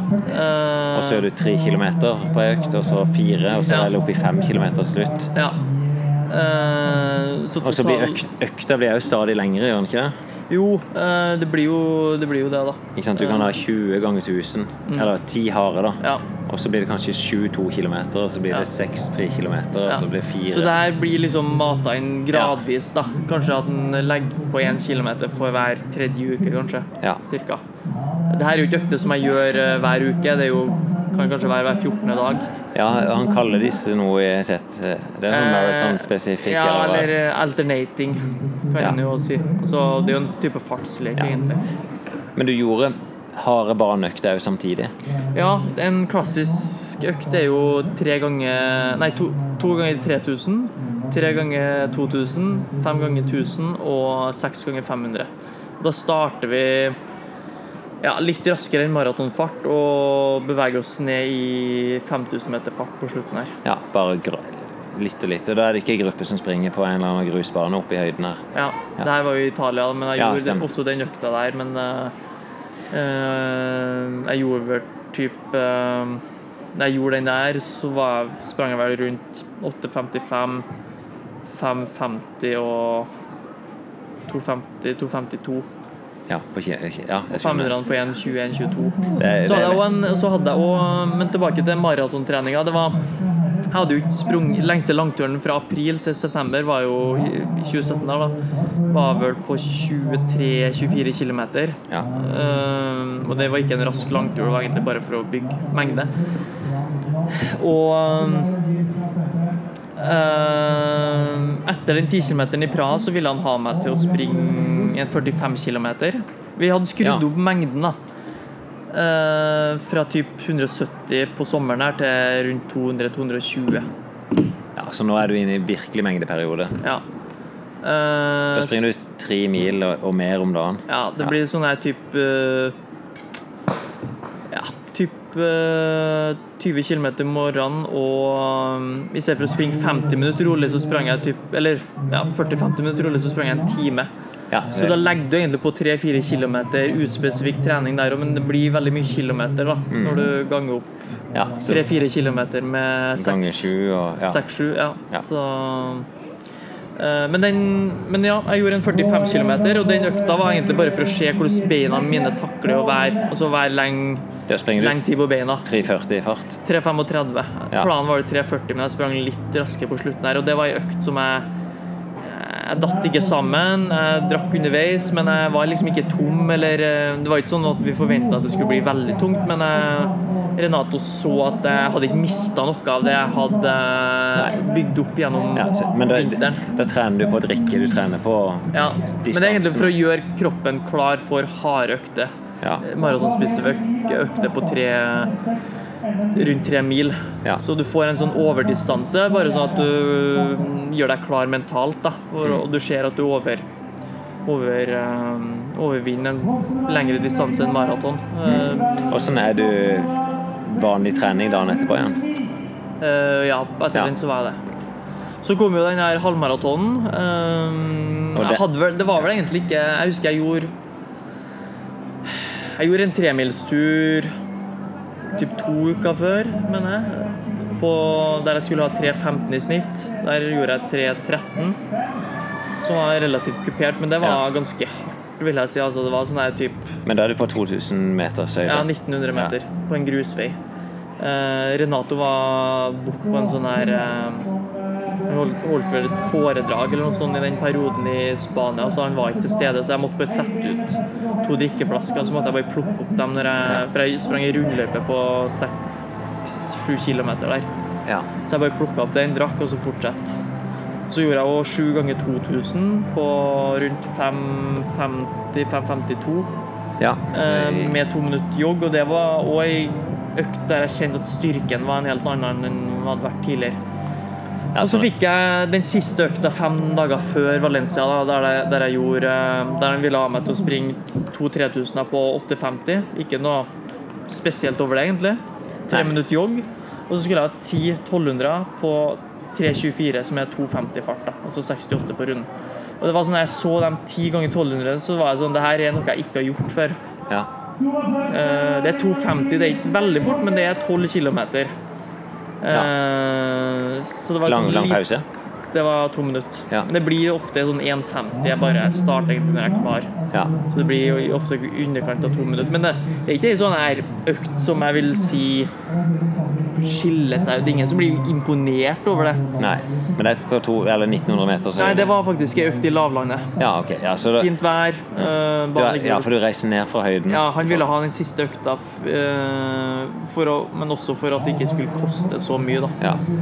Um, så jeg sprang på 8,41, 8,38, og så gjorde jeg alle 1200 på mellom 3,22 og 3,20. ja så snakk om 2,48 til 2,40. 2,40 Ja, 2,48 fart ca. Ja.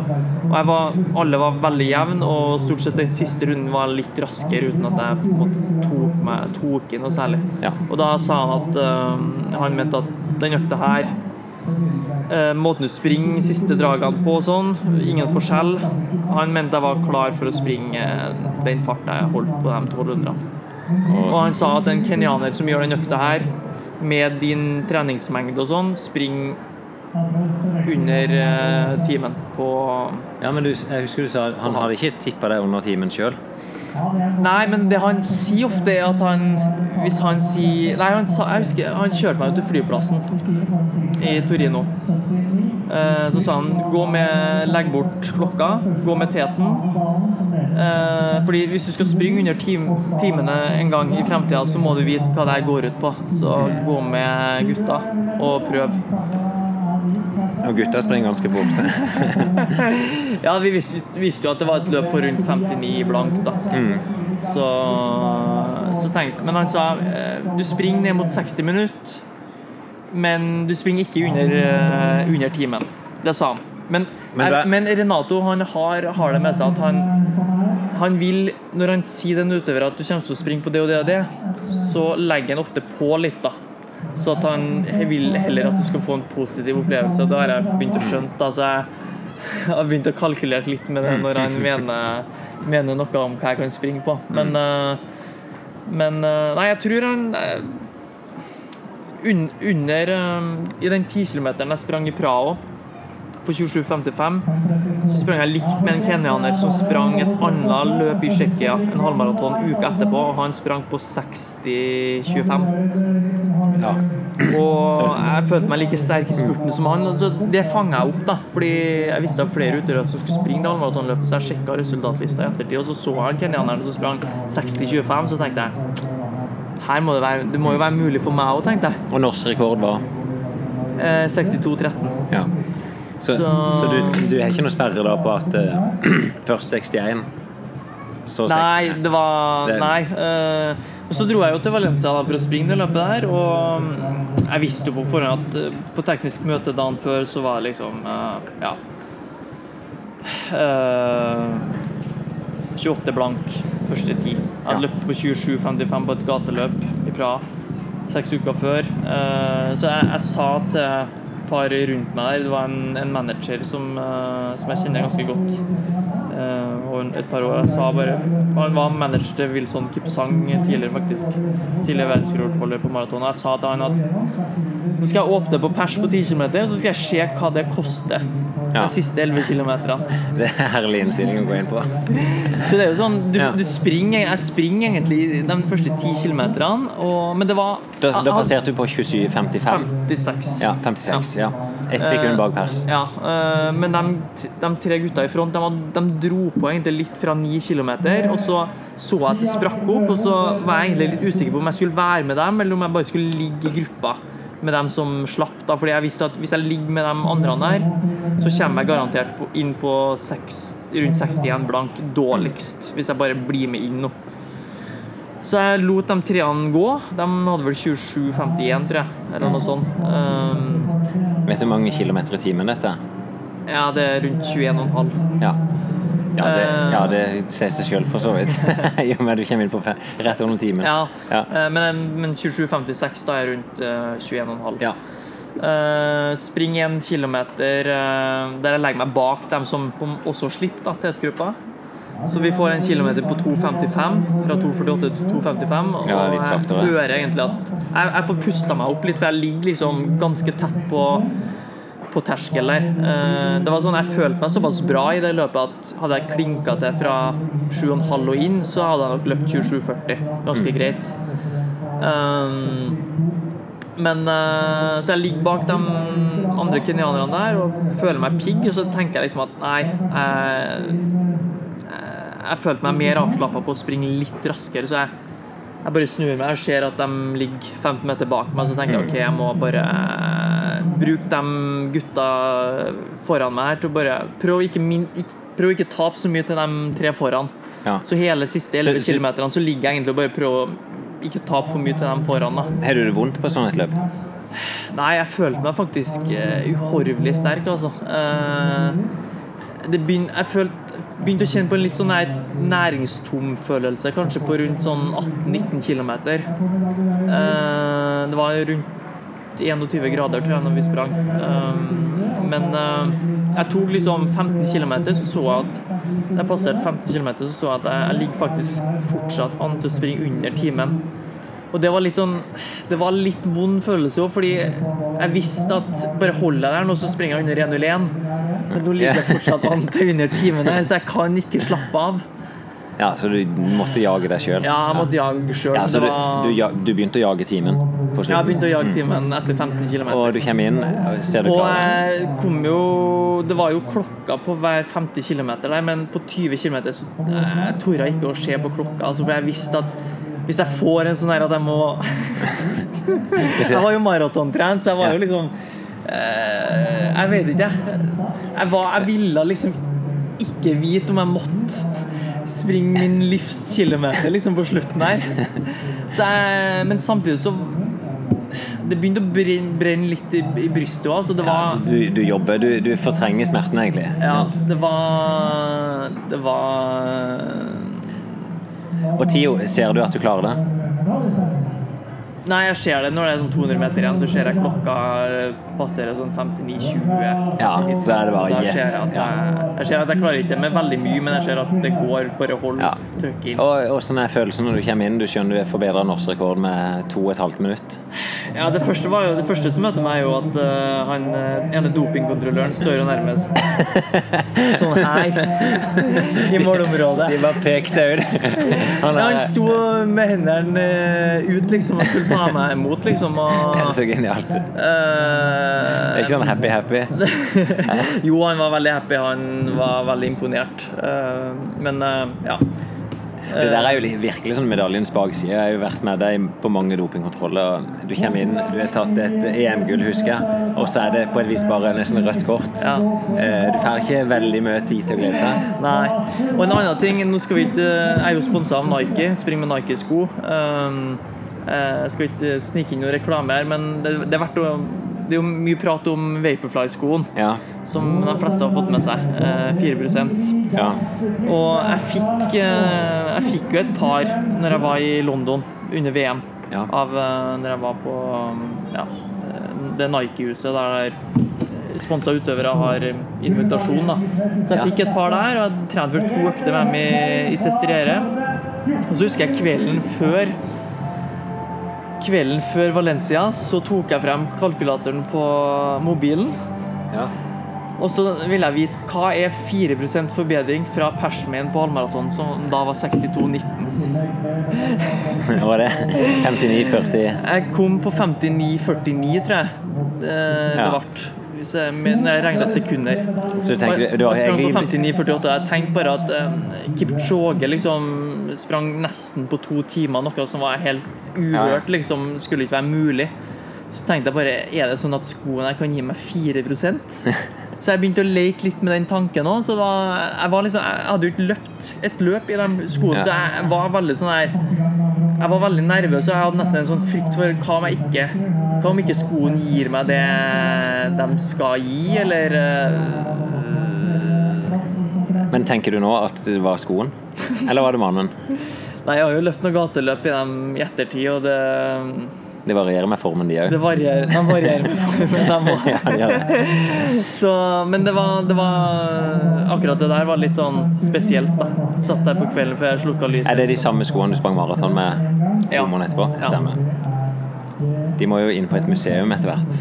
Ja, de ble, eh, dessverre, de skulle ha vært på Friidrettsmuseet eh, på Lillestrøm til Bjørn Berg, men eh, de ble med i en treningsbag, tror jeg, med noen andre Vaporfly-sko, som tror jeg de ble miksa med noe annet, så de, de, ligger, de ble forkasta i, i søppel, en søppeldunk i Sestriere, tror jeg, i fjor sommer. Så kjedelig. Nå har jeg fått singleten og shortsen av Bjørn Ja. Så jeg er glad og happy over det. Men Ja. jeg tror jeg skal tenke meg litt Det første jeg gjør hvis jeg setter en rekord igjen, så skal de inn i et gullskap, skulle du si. Ja. Er det bra? Så- Du, eh, ja, der Blir det norsk rekord i Kristiansand, så får du få det paret. Nei, da må nok Bjørn Berg få de. Det er, sånn, det er han som lager museum. Vi får ta tartanen. og ramme får den. skjære av litt Ja. tartan fra Kristiansand. Ja. Ja. Men ok, da er plutselig er du en internasjonal utøver. Mm. Eh, på, plutselig på topp i alle avisene. Folk skjønner at dette er Det var spesielt. Bare, om det har vært én time og to sekunder, så hadde ikke det vært det samme som å ha sett 59. Det blir som å bryte fire minutter på mile, tror jeg. Eller to blank på 800 for uh, dem som er på litt lavere nivå. ja. Eh, Men eh, er det glede og sånn? Hopper du i mål og, og Ja, det var, det var spesielt. Det var sånn, Jeg skjønte ikke helt hva jeg skulle si. Det er klart det, Når du går fra 62 til 59, så er det sånn Du skjønner at folk ikke tror på deg. Ja. At du Folk tenker vel sitt. Um, når jeg ringte faren min, så var jeg sånn der Han han visste liksom ikke hva han skulle si. Han hadde, vel, han hadde jo forventa at jeg sprang 1.01 lav. Ja. For han, jeg hadde jo prata litt med ham om noe trening. Jeg kan vel si det for han er ekstremt interessert. han, er, han er Ja entusiast. Han er det. Ja. Han er det. Uh, nei, så han Det ble bare stilt altså, i andre røret når jeg prata med han. Og Er det sånn at det, det kommer ei tåre, da? Nei, det gjorde vel ikke På pappa? eh, Ja, det, det gjorde Nei, han var bare sjokkert, Ja. egentlig. Det var, han var bare i sjokk. Jeg tror mange som er i sjokk. Og, eh, noe av det som sånn internasjonalt blir jo liksom spekulert er dette doping. Ja. For det at da har ikke folk fått med seg den utviklinga. Men altså, ser, det var jo som Jeg vet ikke. Renato må jo ha sett det på et eller altså, Jeg husker gjennom For vi hadde jo Vi snakka jo litt om EM i Berlin maraton Ja. i 2018, altså i fjor. eh, Allerede i 2017. Og vi hadde jo allerede da kanskje tenkt springe maraton der. ja. Og da var det jo Daniele Meucci som var tittelforsvarer fra Italia. Og han hadde jo persa på 13-19, 27-36 og 61-06 på halv. Og Renato brukte han litt som en sånn der eh, mal, egentlig. da, for Jeg burde ha mm, kommet ned på tiden hans. Ja. Og han er liksom italiensk, og Meucci er italiensk, så han snakka mye om han. da. Når vi var liksom der i Jeg sprang liksom noen intervaller på sommeren i Sestriere og gjorde 7.52 på på 3000, og ikke minst 1320, så var det sånn Med 1320 med maratontrening Jeg ser ikke hvorfor du ikke skal springe 60-tallet på halv. Nei. Så allerede i juli så var det tanker om du gjør under 1,01 på halv. Ja. Så Men, Ja, så- så, men klart, så hadde jeg liksom noe sånn her Jeg hadde 13.45-løpet. Jeg var ikke i form på NM når jeg var tapt mot Jakob, så det var litt sånn her Det så ut som jeg bomma av og til men muligens så var det kroppen som trengte tid på å er det- tilpasse loaden. altså. Du har jo gått på noen treningssmeller opp igjennom. Er det, tror du at du ligger av og til litt for eh, Altså belaster for mye? Ja. Ja, At det, det gjør jo at resultatene varierer? ja. Fordi når du ser på Ingebrigtsen eksempel, så er jo de, de leverer jo gang på gang på gang på gang. på gang. Men tror du Veldig forutsett. Er det noe du kan lære der, eller tror du det er nødvendig for, en, for å lykkes da på halvmaraton, maraton? For at jeg skulle komme fra å være en 2.12-løper til 2.05, så tror jeg jeg måtte liksom gå gjennom de smellene og være litt sånn entusiastisk, ha det litt moro. Eh, Ja. Smelle så smeller, liksom, og sånn. Men nå så er det sånn Er, er det latter og glede på disse treningene til Renato? Ja, Ja, det er det. Det er god stemning. det har vært, eh, vært det, altså. Ja. ja, det er jo min opplevelse når jeg har sett i Kenya, at det, folk har det gøy på trening. Ja. Altså, I fjor så ble det veldig mye smerter og vondt, og jeg ga nok ikke gode nok tilbakemeldinger på hvor vondt jeg hadde både i, i lyske og lår. skulle Ja. du si, så jeg, Men jeg har lagt fjoråret bak meg. Men eh, på et eller annet tidspunkt så tror jeg nok eh, både jeg og Renato ikke så helt hvilken forfatning jeg var i, da, sånn rent eh, helsemessig. Så litt sykdom inn i bildet. Burde ha dratt ned fra høyden, blitt frisk, og så dratt ned igjen, men jeg valgte å holde meg nedi der. og ja, gjorde det Jeg ser vi har holdt på i Ja. Mm. snart halvannen time, men eh, hvis vi bare skal Men vi kan jo fortsette fram til Fugoka, da. Ja, ta den. Og, Eh, Så etter Valencia så setter jeg meg på flyet ned dagen etterpå. Da er jeg ei uke med Ja, vi går egentlig rett opp på 200 km også etter den uka. Altså. To Ja. dager litt, eh, litt roligere, og så har jeg en fartsstreik på fredagen. eh, På en time og ti minutter. Og så er det egentlig en måned der jeg gjør type 200-220 km. Morgensøktene er 1.10, 1.20, typ 80 av maratonfart. Og en uh, roligere tur på 45-40-60 minutter på morgenen. altså mye kontinuerlig mellomhard løping, Ja, så jeg springer rundt eh, 32-33 km da, på Ja. restitusjonsdagene. Og så har vi hver andre, hver tredje dag Altså, det, så har vi ei maratonøkt som er de av den typen at vi springer typ tre, sju ganger tre kilometer i maratonfart og én kilometer pause rundt 85% av maratonfart. Og så har vi og da snakker du om 3000 på under 9 blank. Nei, rundt 9-10 Ja, for dette er i høyden. i høyden. på Ja. 2200 meter Ja. på grusvei. Og så ingen annen pause enn at du justerer farta ned til 3,40. Ja, 330, tror jeg. ja, det var rundt 330 vart. Og så har vi ei baneøkt i uka òg. Ja. Men, men i bånn her så ligger det bare et jæklig volum i, i sånn mellomhard løping. Du kaller det restitusjonsstand og springer tre mil om dagen, men Mm. Jeg vet ikke, du restituerer jo sånn sett, men det er jo en enorm belastning i tillegg. Mm. Så du, du bygger jo et sånn der båndtrykk, vil jeg vel kalle det. Jeg ser jo nå, da, når jeg sitter her nå og på en måte skal gå løs på det her igjen, da, så Det er jo Jeg er jo, jeg er jo egentlig li, like imponert over at kroppen min tålte det der. Og det er jo som sagt Jeg vet jo ikke om kroppen min tåler det igjen. Mm. Eh, jeg har jo lurt liksom på med de skadene de siste to årene om tåler jeg å springe de mengdene igjen. Ja. Eh, Men det ser, selv på mitt nivå så er det jo samme jeg opplever der. At jeg, jeg klarer ikke skjønne hvordan jeg holder på med det. nei.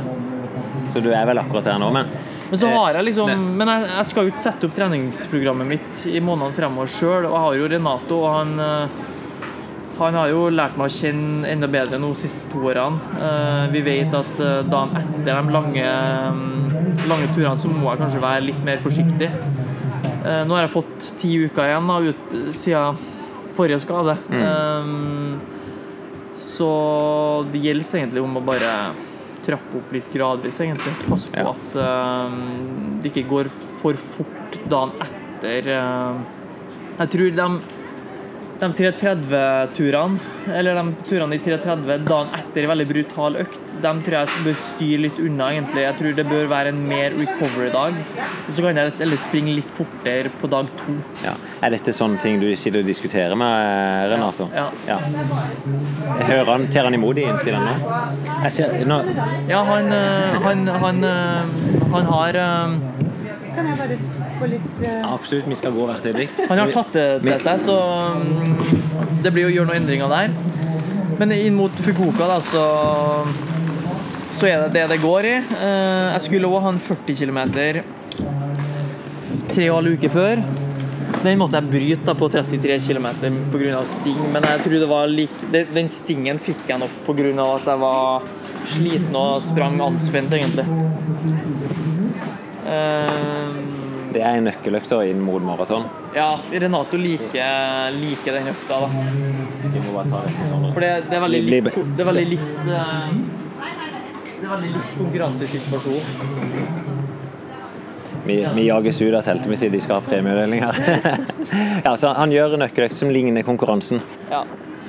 Og den er Det er veldig kritisk å å restudere veldig godt etter den, så jeg hadde vel fire eller fem dager tror jeg, med bare rolig løping. Og det var typ litt joggeturer innimellom der òg, og så over fire minutter på kilometer. Men når du reiser ned og skal springe maraton til slutt Men altså, var, den økta gjorde, gjorde meg jo usikker for at jeg ikke fikk løpt 40, 40 km. Jeg ville ha distansen jeg skulle springe. Ja. Men så sa Renato at eh, nei, men i og med at du har løpt så mange mm, intervaller med float, altså typ rundt tre mil der 20-25 km i konkurransefart, så så dekker de, ta- så dek, erstatter de egentlig litt det der firemilsturene som du har hatt veldig mange av de siste to årene ja.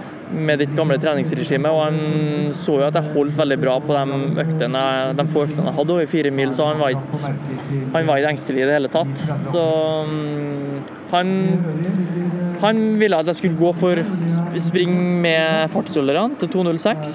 Og så tre blank på kilometeren, er første tre milene. Da er du pers på nesten 2,10, og så Ja, og så Og så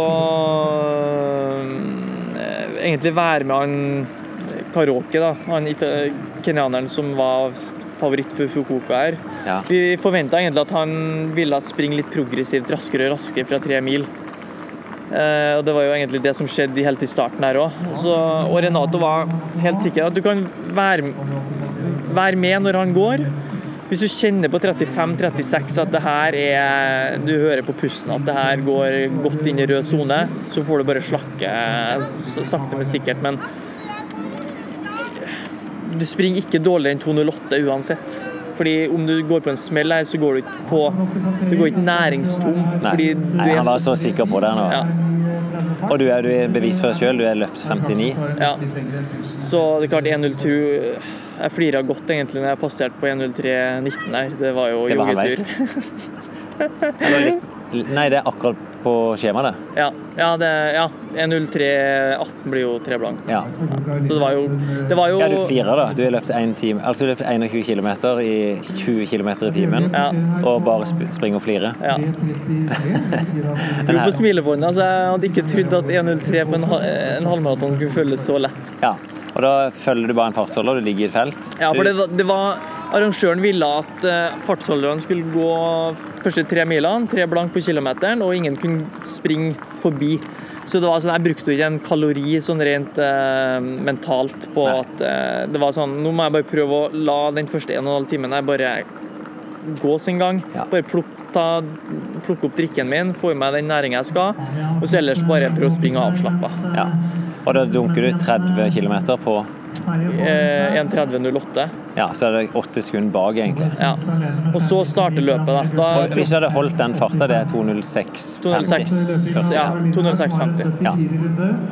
Så går jo han kenyaneren til med meg på hjul, eh, så da tikker det jo ned på 2,58, 2,56, 2,55. Vi tar vel egentlig annenhver kilometer i front der, der vi jager Ja. opp hverandre litt. Jeg hører kilometeren videre.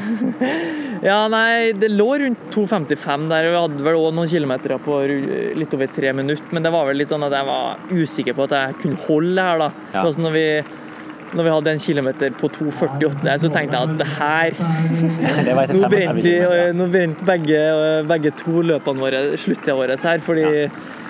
det her er jo godt inn i rød sone. Men eh, jeg var i stand til å hente meg inn. altså I løpet av en par hundre meter så fikk jeg pusten tilbake igjen. Ja, så du er så godt trent der. Så og, På 35 så, så ser jeg liksom at skyggen bak meg er bort. Og da, da vet jeg at da, da leder jeg løpet, liksom. Ja. Og, Og det er bånn gass.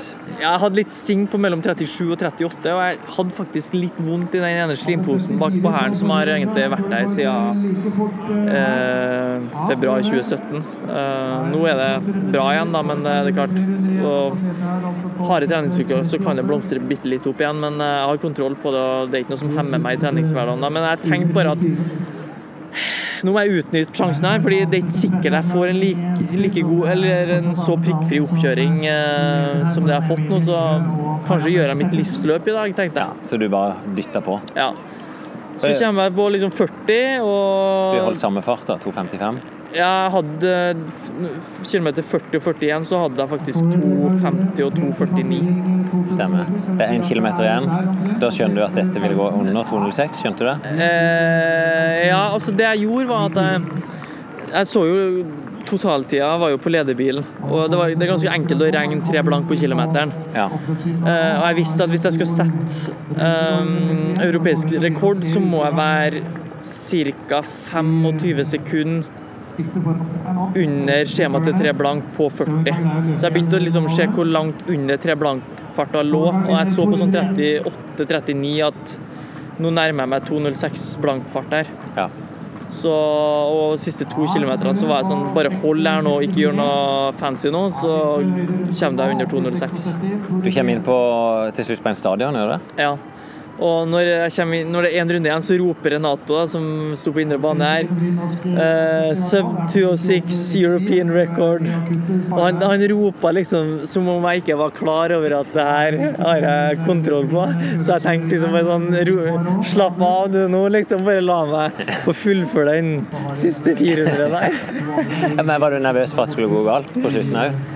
Det er klart, når du er Når du Når jeg gjør noe som overgår alt jeg har gjort før, så klart du Du vet jo ikke Du er jo i et eh, helt eh, mørkt rom som du ikke vet hvor ut du, du har satt beina dine Du har gått Du har åpna ei dør til et mørkt rom og gått inn her og lukka igjen, og så er du egentlig usikker på om det er noe utvei Eller det det, det, er et veldig u, det er ukjent, da, ukjent territorium. Ja, så selv på siste runde der, så er du Du vet ikke helt om du vil holde Nei, jeg, jeg kjente at jeg Jeg liker å tro at jeg kunne ha løpt 4 km pace i 2.55 fart. Ja, det kjennes så bra ut. Ja.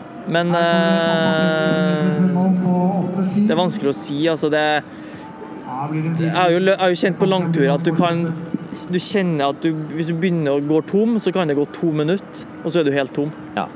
Så det, det snur veldig fort eh, når du først går næringstom, altså. Ja.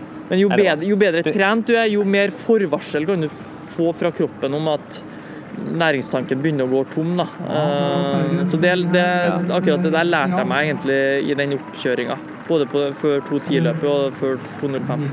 Når du kommer i mål der, er følelsen det samme som du sprang på 59, eller er den liksom tatt Nei, det var kanskje større å, å ta den der, eh, bryte den der eh, timesgrensa på halvmaraton. Det var liksom Neste på maraton er jo under to timer, og jeg, jeg må først ha 2.03 eller 2.04 først, tenker jeg. Ja.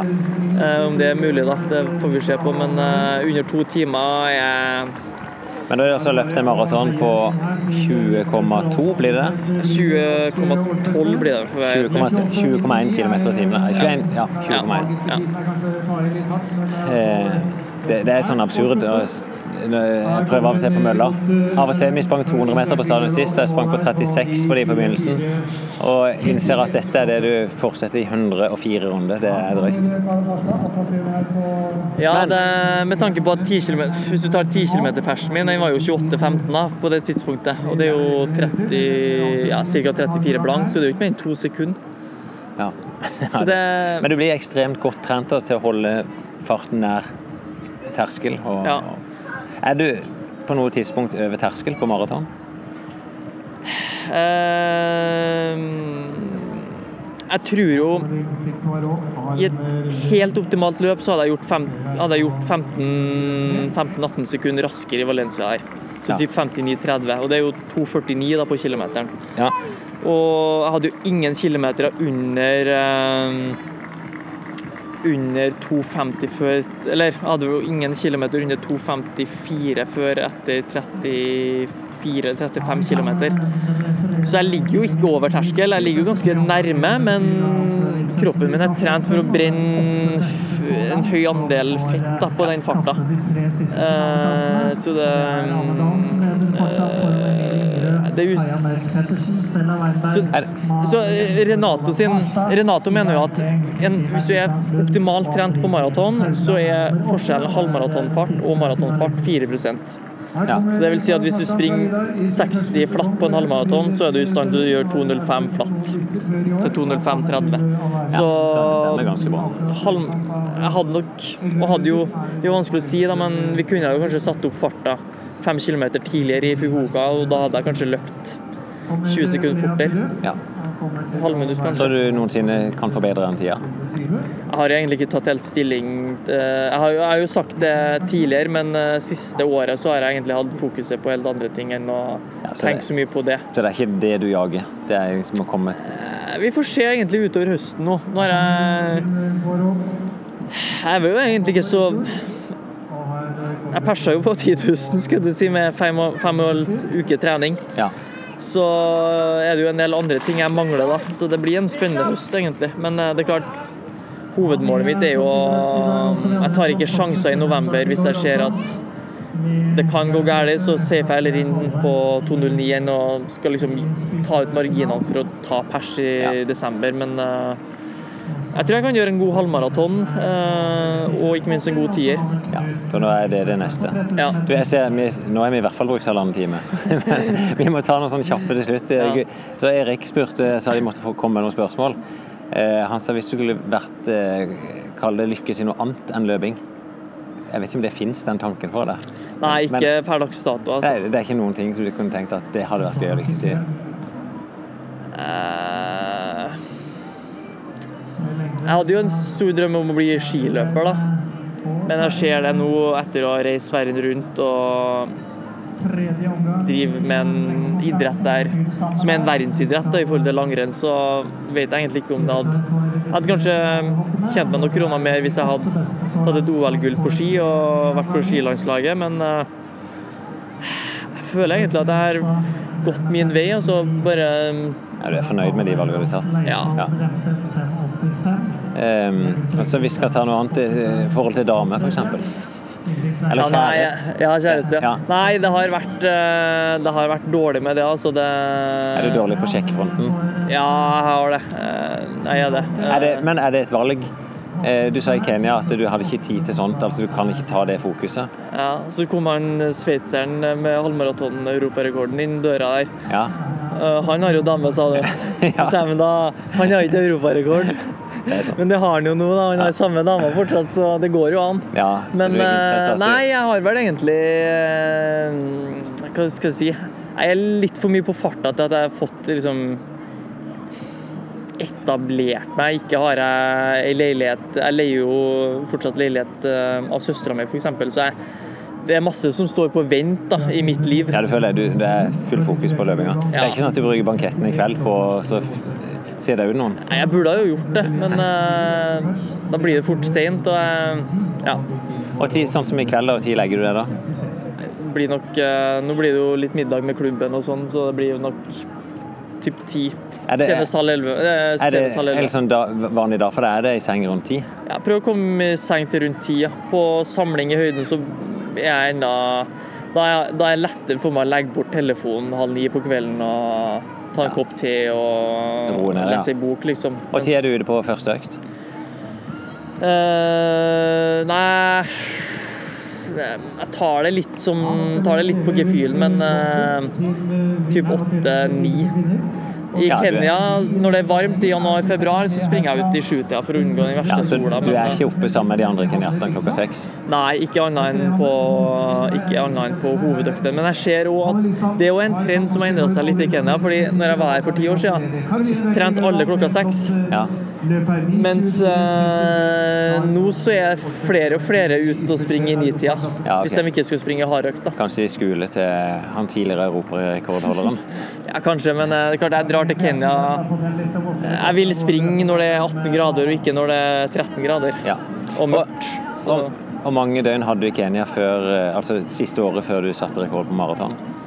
det var vel 200 og- ja, Det var vel nærme 300 døgn, tror jeg, i hele året. Med sånn Moritz og Cecirer Ja, så- Så det er vanskelig å si om det er høyden i seg sjøl, eller om det er fokuset. Antall døgn med fullt fokus på trening. Eh, Det er jo sånn Når jeg er i Oslo, så er det jo eh, Det er jo straks litt mer å finne på. Litt mer telefoner å ta. Ja. Så det er jo sånn Når jeg reiser bort fra Norge, så forventer ikke folk å få tak i meg. Så jeg, med en gang så er mailboksen og, og, og telefonanrop og sånn går ned drastisk med en gang jeg, Ja. folk vet at jeg reiser bort. Og motsatt, da, når jeg med en gang lander på Gardermoen, så tikker det inn. eh, Ja. Så det, det er noe Ja. med det der. Altså. Jeg husker Frank eh, på sine foredrag. Liksom, han skrev høydetrening, og vi understreker under trening at det, det er faktisk det du gjør. Du trener i Ja. ekstreme omgivelser. da. For det, det legger jo et ekstra trykk på treninga, det òg. At Ja. det er ukomfortabelt. Du sa jo Men det er klart, sant Jeg, jeg gjorde jo mye av treninga mi i, i, i Kenya i 2017, men du kan si fra april til jeg gjorde 59 på halv, så hadde jeg jo bare åtte øk- hardøkter med noen andre. resten gjorde du sjøl. Resten gjorde jeg sjøl. Ja. Alle hardøktene før 13.20 gjorde jeg i St. Moritz. Jeg, hadde, det var sånn jeg hadde bestemt meg. Jeg skal gjøre den treninga Renato mener jeg trenger. Ja. Så var det jo andre løpere her òg som lett kunne ha vært med meg på trening, og som kanskje hadde gjort meg godt øh, og gitt meg god matching, men jeg valgte å stole på hans opplegg. Og når vi kom til øh, høsten her, så sa jeg liksom til Renato drar du til Kenya nå, eller blir du i Italia? Nei, jeg blir i Italia frem til november. OK, øh, jeg føler at det er viktigere at du følger meg opp på trening, enn at jeg har noen å trene med. Ja. Så i 49 dager så leide jeg jo ei leilighet oppe i Sestrere her og gjorde egentlig alle øktene eh, solo enn Nato i følgebil, liksom. Da ligger du egentlig alene der i to måneder. Ja. Det er litt av et liv. Det, så... Og jeg gjorde 59,48, så det er sånn her Send Kipchoge bort fra familie og venner i et år ja, eh, på en, i en annen verdensdel i, oppe i fjellet. Og be ham om å gjøre det beste ut av det. Jeg er ikke sikker på om han hadde fått ut fullt potensial, han heller. Altså. Det, men jeg liker å tro at 59-48 var det beste jeg kunne gjøre der. Og, eh, men så er spørsmålet nå til høsten og kanskje fram mot neste år at jeg trenger litt mer pushing på enkelte, i enkelte perioder igjen. Da. Og det får jeg i Kenya. Ja. Det er bra. Du, eh, to siste spørsmål. da. Det ene var den største idrettsopplevelsen du har hatt for deg sjøl. Største oppturen, og så kanskje òg det, det største nederlaget. Begynn med det første. Nei, med det siste. Det, stør, det kjipeste løpet, den kjipe opplevelsen du kan huske. Nei, det var jo en Jeg har, jeg har 3. april friskt i, friskt i minne her i år, altså. Jeg var i veldig god form, var klar for å gjøre pers på halvmaraton i Praha. Og så smeller i ryggen eh, for et rettighetsbrudd der tre dager før jeg skal springe. Ja. Eh, Men òg EM Det at jeg jeg måtte bryte EM i fjor på maraton òg var en gedigen nedtur, egentlig. Ja, Altså, jeg, jeg, jeg, føl- sånn jeg følte jeg fortjente en medalje der, sjøl om jeg var dum nok til å trene med en sånn skade. da. Men eh, jeg gjorde god økt helt frem til åtte dager før, og da Og så til slutt var det bare nok. Ja. Så jeg var nærme å ta Jeg følte jeg var nærme å kunne ta en medalje der. Gullet hadde ikke jeg tatt der, men eh, Men eh, Nei, det var, en, det var en nedtur. Det var sånn her Foreldrene mine sto ute i løypa der. Og når jeg hadde sluppet tetgruppa, så sto de ja, på to kilometer ute i løypa her, så ropte jeg liksom at hvis jeg ikke er med tetgruppa nå om en runde, så stopper jeg. Ja. Ja, Du vil si ifra til dem? Ja. Ja. Og de forsto det, da, og det var liksom ja, nei, jeg følte liksom Jeg mangler fortsatt en seniormedalje i friidrett, og faren min han sto på og smurte skiene mine, kjørte meg rundt på skirenn. Um, han har jo ikke trent meg på løping da, siden jeg var liksom 15 år, men han har stått på for meg. Og jeg føler liksom at de fortjente egentlig da, at jeg skulle ta en medalje da. der. Så jeg, det kom noen tårer der altså, når jeg, jeg ser bare mora mi. Hun ser jo at jeg har vondt liksom, når jeg springer. Ja. Ja, så du springer litt òg for så jeg- du, du vil ikke skuffe de rundt deg, de som har stått på for deg? Nei. Nei? Det, Så, men så ble det sånn, så tenkte jeg at eh, fordi jeg hadde så vondt, og så gikk det litt i rykk og napp i tetfeltet der. Men hver gang de dro på og kom, sprang ned mot tre minutter på kilometeren, så klarte jeg rett og slett ikke å sparke fra godt nok med den foten jeg hadde bruddet i. Da. Og det visste jeg. Jeg visste jo ikke at jeg hadde brudd på det tidspunktet, men jeg hadde jo en anelse. Men eh, det var liksom ikke vondt nok til at jeg ikke torde å stå, til å ikke stille opp, da. Eh, men når jeg kommer halvveis ut i runden her, så kjenner jeg bare at nei, men de vil jo ikke at jeg skal springe en runde nå når jeg ikke klarer å være med. Nei. Så det, og jo lenger jeg springer nå, jo verre blir skaden. Så jeg bare Når jeg kom til den drikkeposten der noen norske sto, så hoppa jeg bare av. Ja, det var Eirik Førde sto kanskje. Ja. Ok, men største oppturen, da? Er det noen, liksom noen, eller noen øyeblikk som blinker seg ut? Opp igjen fra du er 13-14 år og sprang, begynte å springe fort, fram til nå? Nei, U23-EM-gullet var stort. 10 000 meter? Ja, På tunge bein etter, et, eh, etter å ha sett pers i Diamond League-stevne i Birmingham fem dager før. Det var jo ikke ei optimal reise der. Det var et døgn på flyplassen i København og noen forsinkelser og sånne ting. Så jeg, men jeg tok ned gullet der, og så brukte jeg klart halvmaratonløpet. Ja. Og på 59 og Fukuoka. Ja. er nok eh, de, ja, de største øyeblikkene mine. Det, det var også stort å springe 13.20 og ta VM-kravet siste, siste dag det var mulig å ta kravet. ja, selvfølgelig. Så, men 13.20 er liksom ikke så imponerende i forhold til 205 og 59, men det er sånn, Jeg har jo liksom sett Sindre sin fremgang. Han kom ned på 13.11, og jeg var stort sett jevngod med han, så jeg følte liksom at eh, det måtte stemme for meg òg. Ja. Nei, du er jo utrolig mange gode høydepunkt. Jeg husker jeg i Finland du og Henrik tok dobbelt på nordisk. Ja. I enorm form. Du har aldri fått et EM-gullet på terrengløp som du òg burde hatt. Jeg ble eh, Kar Jeg og Sindre vi satt på hver sin side av Karoline på flyet hjem fra Finland der. Og vi ble begge to forkjøla ei uke der. Så jeg, jeg var jo i veldig god form. Jeg sprang jo 28,50 på hytteplan den høsten. Og ja, Var Karoline forkjøla når vi var i Finland? ja, Ja. ja så du fikk Det kan skylde henne for at ikke du fikk ditt EM-gull. ja, jeg tror det, altså. Og så var jeg jo uheldig siste sjansen i Portugal der òg. Ja, når du falt i i Falt etter én meter og måtte passere 100 stykker på ei svingete terrengløype Ja, av det var 6 km. Jeg kom jo opp i tetgruppa når det var 1500 meter igjen, men eh, det hadde kosta for mye. Ja, det var ble, jeg ble nummer fire der. Jeg husker jo, når vi var i Kenya, så snakket du om en 1500 meter som var ganske bitter. Når du var 15-16 år, der du hadde blitt forhindra av en lengdefunksjonær, det var. Ja. Som fortsatt fortsatt hadde friskt i minnet. Ja, det var vel neste 1500 jeg sprang. Det ble 4.00 og 0,3 eller hva Nei, 0,17 var det. Da var du 15? 16? Eh, Jeg var 16. Ja. Og da kom en funksjonær ut. Han så ikke til sida. Han skulle dit han skulle. Og bare gå, krysse banen rett, og jeg fyker ut i lengdegropa og taper sikkert to sekunder. Ja, der mista du Da mista jeg fire blank. Ser vi Amalie Sæten kjempe om eh, Hun ligger på tredjeplass på vei ut på siste spurten. Vi ser. Du heier kanskje på Sigrid? Ja, må jo gjøre det. Skal vi se om dette kan bli Amalie? Nei. Det er kanskje de med best kondis som vinner, da. Det er Sigrid. Men hun nummer to der sprang vel 800 meter eh, Ja. forsøk for tre timer siden. Altså, hun spurte faktisk meg og Erik eh, i går på Erik kjenner vel hun litt, tror jeg. Så hun spurte begge oss om det var om hun, om hun burde springe 800 meter forsøk, da. ja. Jeg har jo ingen kjennskap til hvilket treningsgrunnlag eller hvilken type løper hun er, men eh, jeg sa ta sjansen. Det eneste måten å vinne to NM-gull på. ja. Sigrid eller hun andre? Hun andre. Ja, hun andre. Sigrid, når jeg kom på det, hun var jo første gang til Finland når du vant der nede. Ja, stemmer. Da var ikke hun sjefstrent. Hun var, hun var veldig sliten. Ja, ja, Du, vi avslutter nå, Sondre. Vi skal se eh, 1500 meter-finalen. ja. Duell mellom eh, Jakob Ingebrigtsen og kanskje ingen realistisk. Du er Ferdinand. Ferdinand. Han sto i går her og sa at han det er ikke lett å slå en mann der han er alle våpnene som er større enn hans egne. Men han skal altså prøve.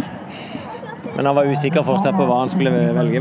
Hvilken taktikk kan holde til å slå Jakob? Eh, nei, jeg ville ha satsa på at han har eh, en like god siste 400 her. Som eh, At han kan gjøre 52 blank på siste 400. At Ferdinand gjør? Ja. Ja. Han ligger i bane én, og Jakob må i rundt. Ja, Og må gjøre egentlig ja, en 51 lav, da. Det vel den eneste sjansen. Ja. Ja, Han mener selv at det eneste egenskapen der han kan være bedre, er at han tror han er litt raskere enn han. Ja, jeg, en tror, ren 200 jeg, tror, jeg tror Ferdinand kan slå om Bruke litt færre meter på å skape sitt toppfort enn det Jakob. Ja. Vi så jo Snorre tok Henrik for et par år siden, så det Ja, det medaljen er ikke delt ut på forhånd. Det er de aldri. Du skal få et siste spørsmål. Stigningsløp, gjør du det? Det gjør jeg stort sett hver, eh, hver eh, ettermiddagstur. Ja. Legger du det inn på slutten eller begynnelsen av turen? Eller Jeg har gjort litt forskjellig, men det blir ofte at jeg springer, springer turen, og så springer jeg fire til seks drag til slutt. Men eh, hvis jeg føler, føler at jeg trenger det, så kan jeg legge inn kanskje eh, en 100 meter hver tredje kilometer, f.eks. Du hadde ikke sagt det, vet du. Joakim hos meg, han har begynt å gjøre dette på morgenøktene. Ja. Eh, Jeg sier det er bare tøys at eh, egentlig skal vi gjøre dette Det er for å få luke til deg, da. Han, han, det gir han en form for boost. Han føler seg lettere etter å ha løpt det. Ja, men det er ofte Det, er ofte, det sier Sindre også. At det, det Faktisk kan pulsen Har han opplevd Har vi begge opplevd at pulsen går ned to-tre slag, altså? Men gjør det ikke det på morgenøktene òg? Nei, på morgenen så springer jeg jo mer steady, da, kan du si. Ja. Eh, men eh, som sagt så legger jeg jo inn bakkesprint eh, dagen før. Eh, økte med høy fart, og så Eller jeg springer fartsvariasjoner der jeg legger inn typ 30-45 sekunder eh, hvert tredje minutt. Ja. Men da springer jeg ikke så fort, da springer jeg kanskje opp i sånn typ 10 km fart på de 30 Men, sekundene. men de bakkeløperne, eh, hvor lang bakke springer du? Hvor hardt? Nei, det er 80 meter eh, full sprint. Ja, det er 7-8 stigning. Men det er, det er mer for å egentlig rekruttere raske muskelfibre Ja. uten å Da labber du bare ned igjen, da. Ja, Ja. lang pause. i Ett og et halvt, to minutter. Ja, stemmer. Ti drag. Leder altså med 6,20. Eneste jenta over 6 meter. Vi kan jo for så vidt fullføre episoden med å se den 1500-meteren, da. Ja. Så avslutter vi der. Det blir en lang episode. Ja. Vi kan spørre om styrke, da, for det Vi snakka litt om det i Kenya. Ja da, 6,30. Eh, gjør du noe styrketrening? Eh, jeg har begynt å kjøre litt mer sånn aktiveringsøvelser sånn for å eh, holde litt skada muskelvev, egentlig. Og senevev. Nei, jeg hadde jo rett og slett eh, i kabel og sånne ting. Jeg hadde jo, jeg hadde jo problemer med lysken i fjor. Ja.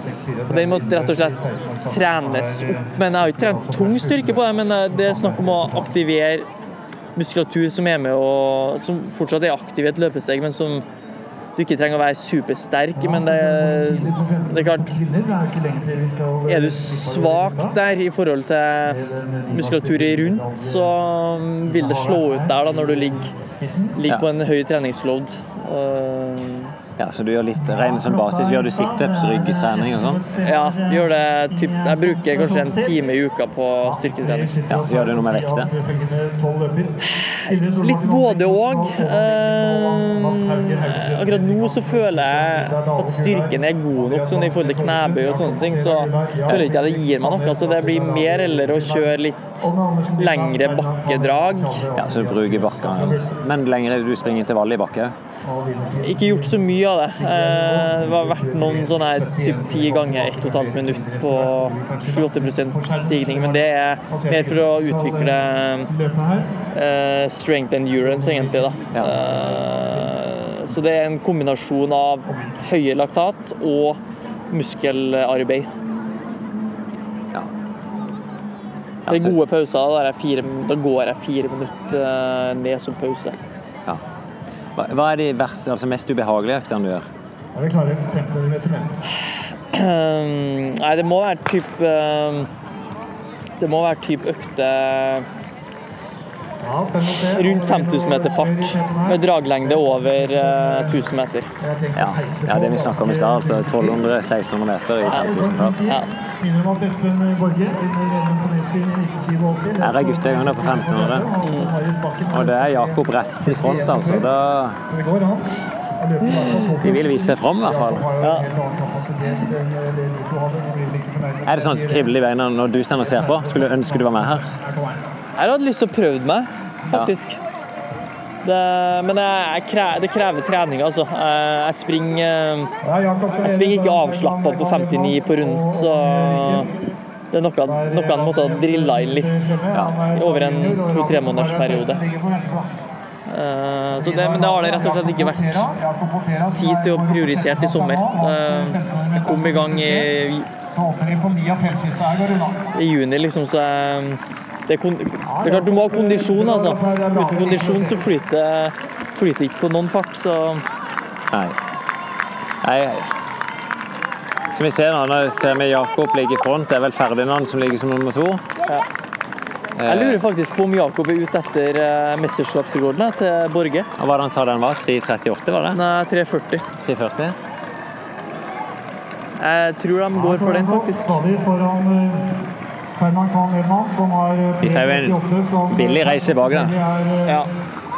eh, Nå starter ikke min klokke, så vi vet ikke hvordan det ligger an, men vi kan jo høre hva Jon Esse sier. vi kan gå og se på storskjermen her. Ja. eh, er eh, Ja, da, de kjører hardt, og nå, nå er det bare Joakob og Ferdinand som ligger i front. Jeg ser tida der nå. Så passerer de her på 1.58. Ja, nei, det er ikke så fort, det, men eh, ja, 3.40 Det er en fart. Ja, ja, det, han gjør det med gode avslutninger. Det er bra. Skal komme seg videre, så må han tørre å være med her. Ingen sånn kontrollert eh, god, god løping her. Ja. Ja, Ferdinand van Edman, som var eh, flere år på UCLA. Han er tøffing Ferdinand òg, så det er ikke Men han har jo ingenting å tape her. Har eh, Jakob Nei. satt inn eh, turboen ved utgangen av svingen. Passerer 1000 meter Nå tror jeg Jakob- Ja, det Ja, det er sliten eh, drar på noe. Kanskje til og med under mesterskapsrekorden hvis Jakob eh, Ja, ja, ja. litt her nå. En runde på 58 nå, så strålende, er ikke langt bak. En runde før målet her 41. Da blir det ny mesterskapsrekord. Han må ta i, altså. Hva sa du? han må, han må virkelig Ja, ta på. Ja. Slik han får på Ja, det er 1200. Nå har masse krefter igjen. Kan han greie å løpe inn Ferdinand Kvann Ja, det virker jo om han var under den gamle til Lars Martin Kaupang på òg, i et 2,56 NM. Jakob, og da kommer til å få en slutt ned på 30-tallet. Ja, Det blir den sjette mesterskapsrekorden i dette mesterskapet. Og se hvordan det går unna der nå. 200 meter igjen. Ja, det er godt driv, det. en tid ned mot 3.35. da. Ferdinand springer jæklig bra, han òg, altså. Hvordan syns du om mann.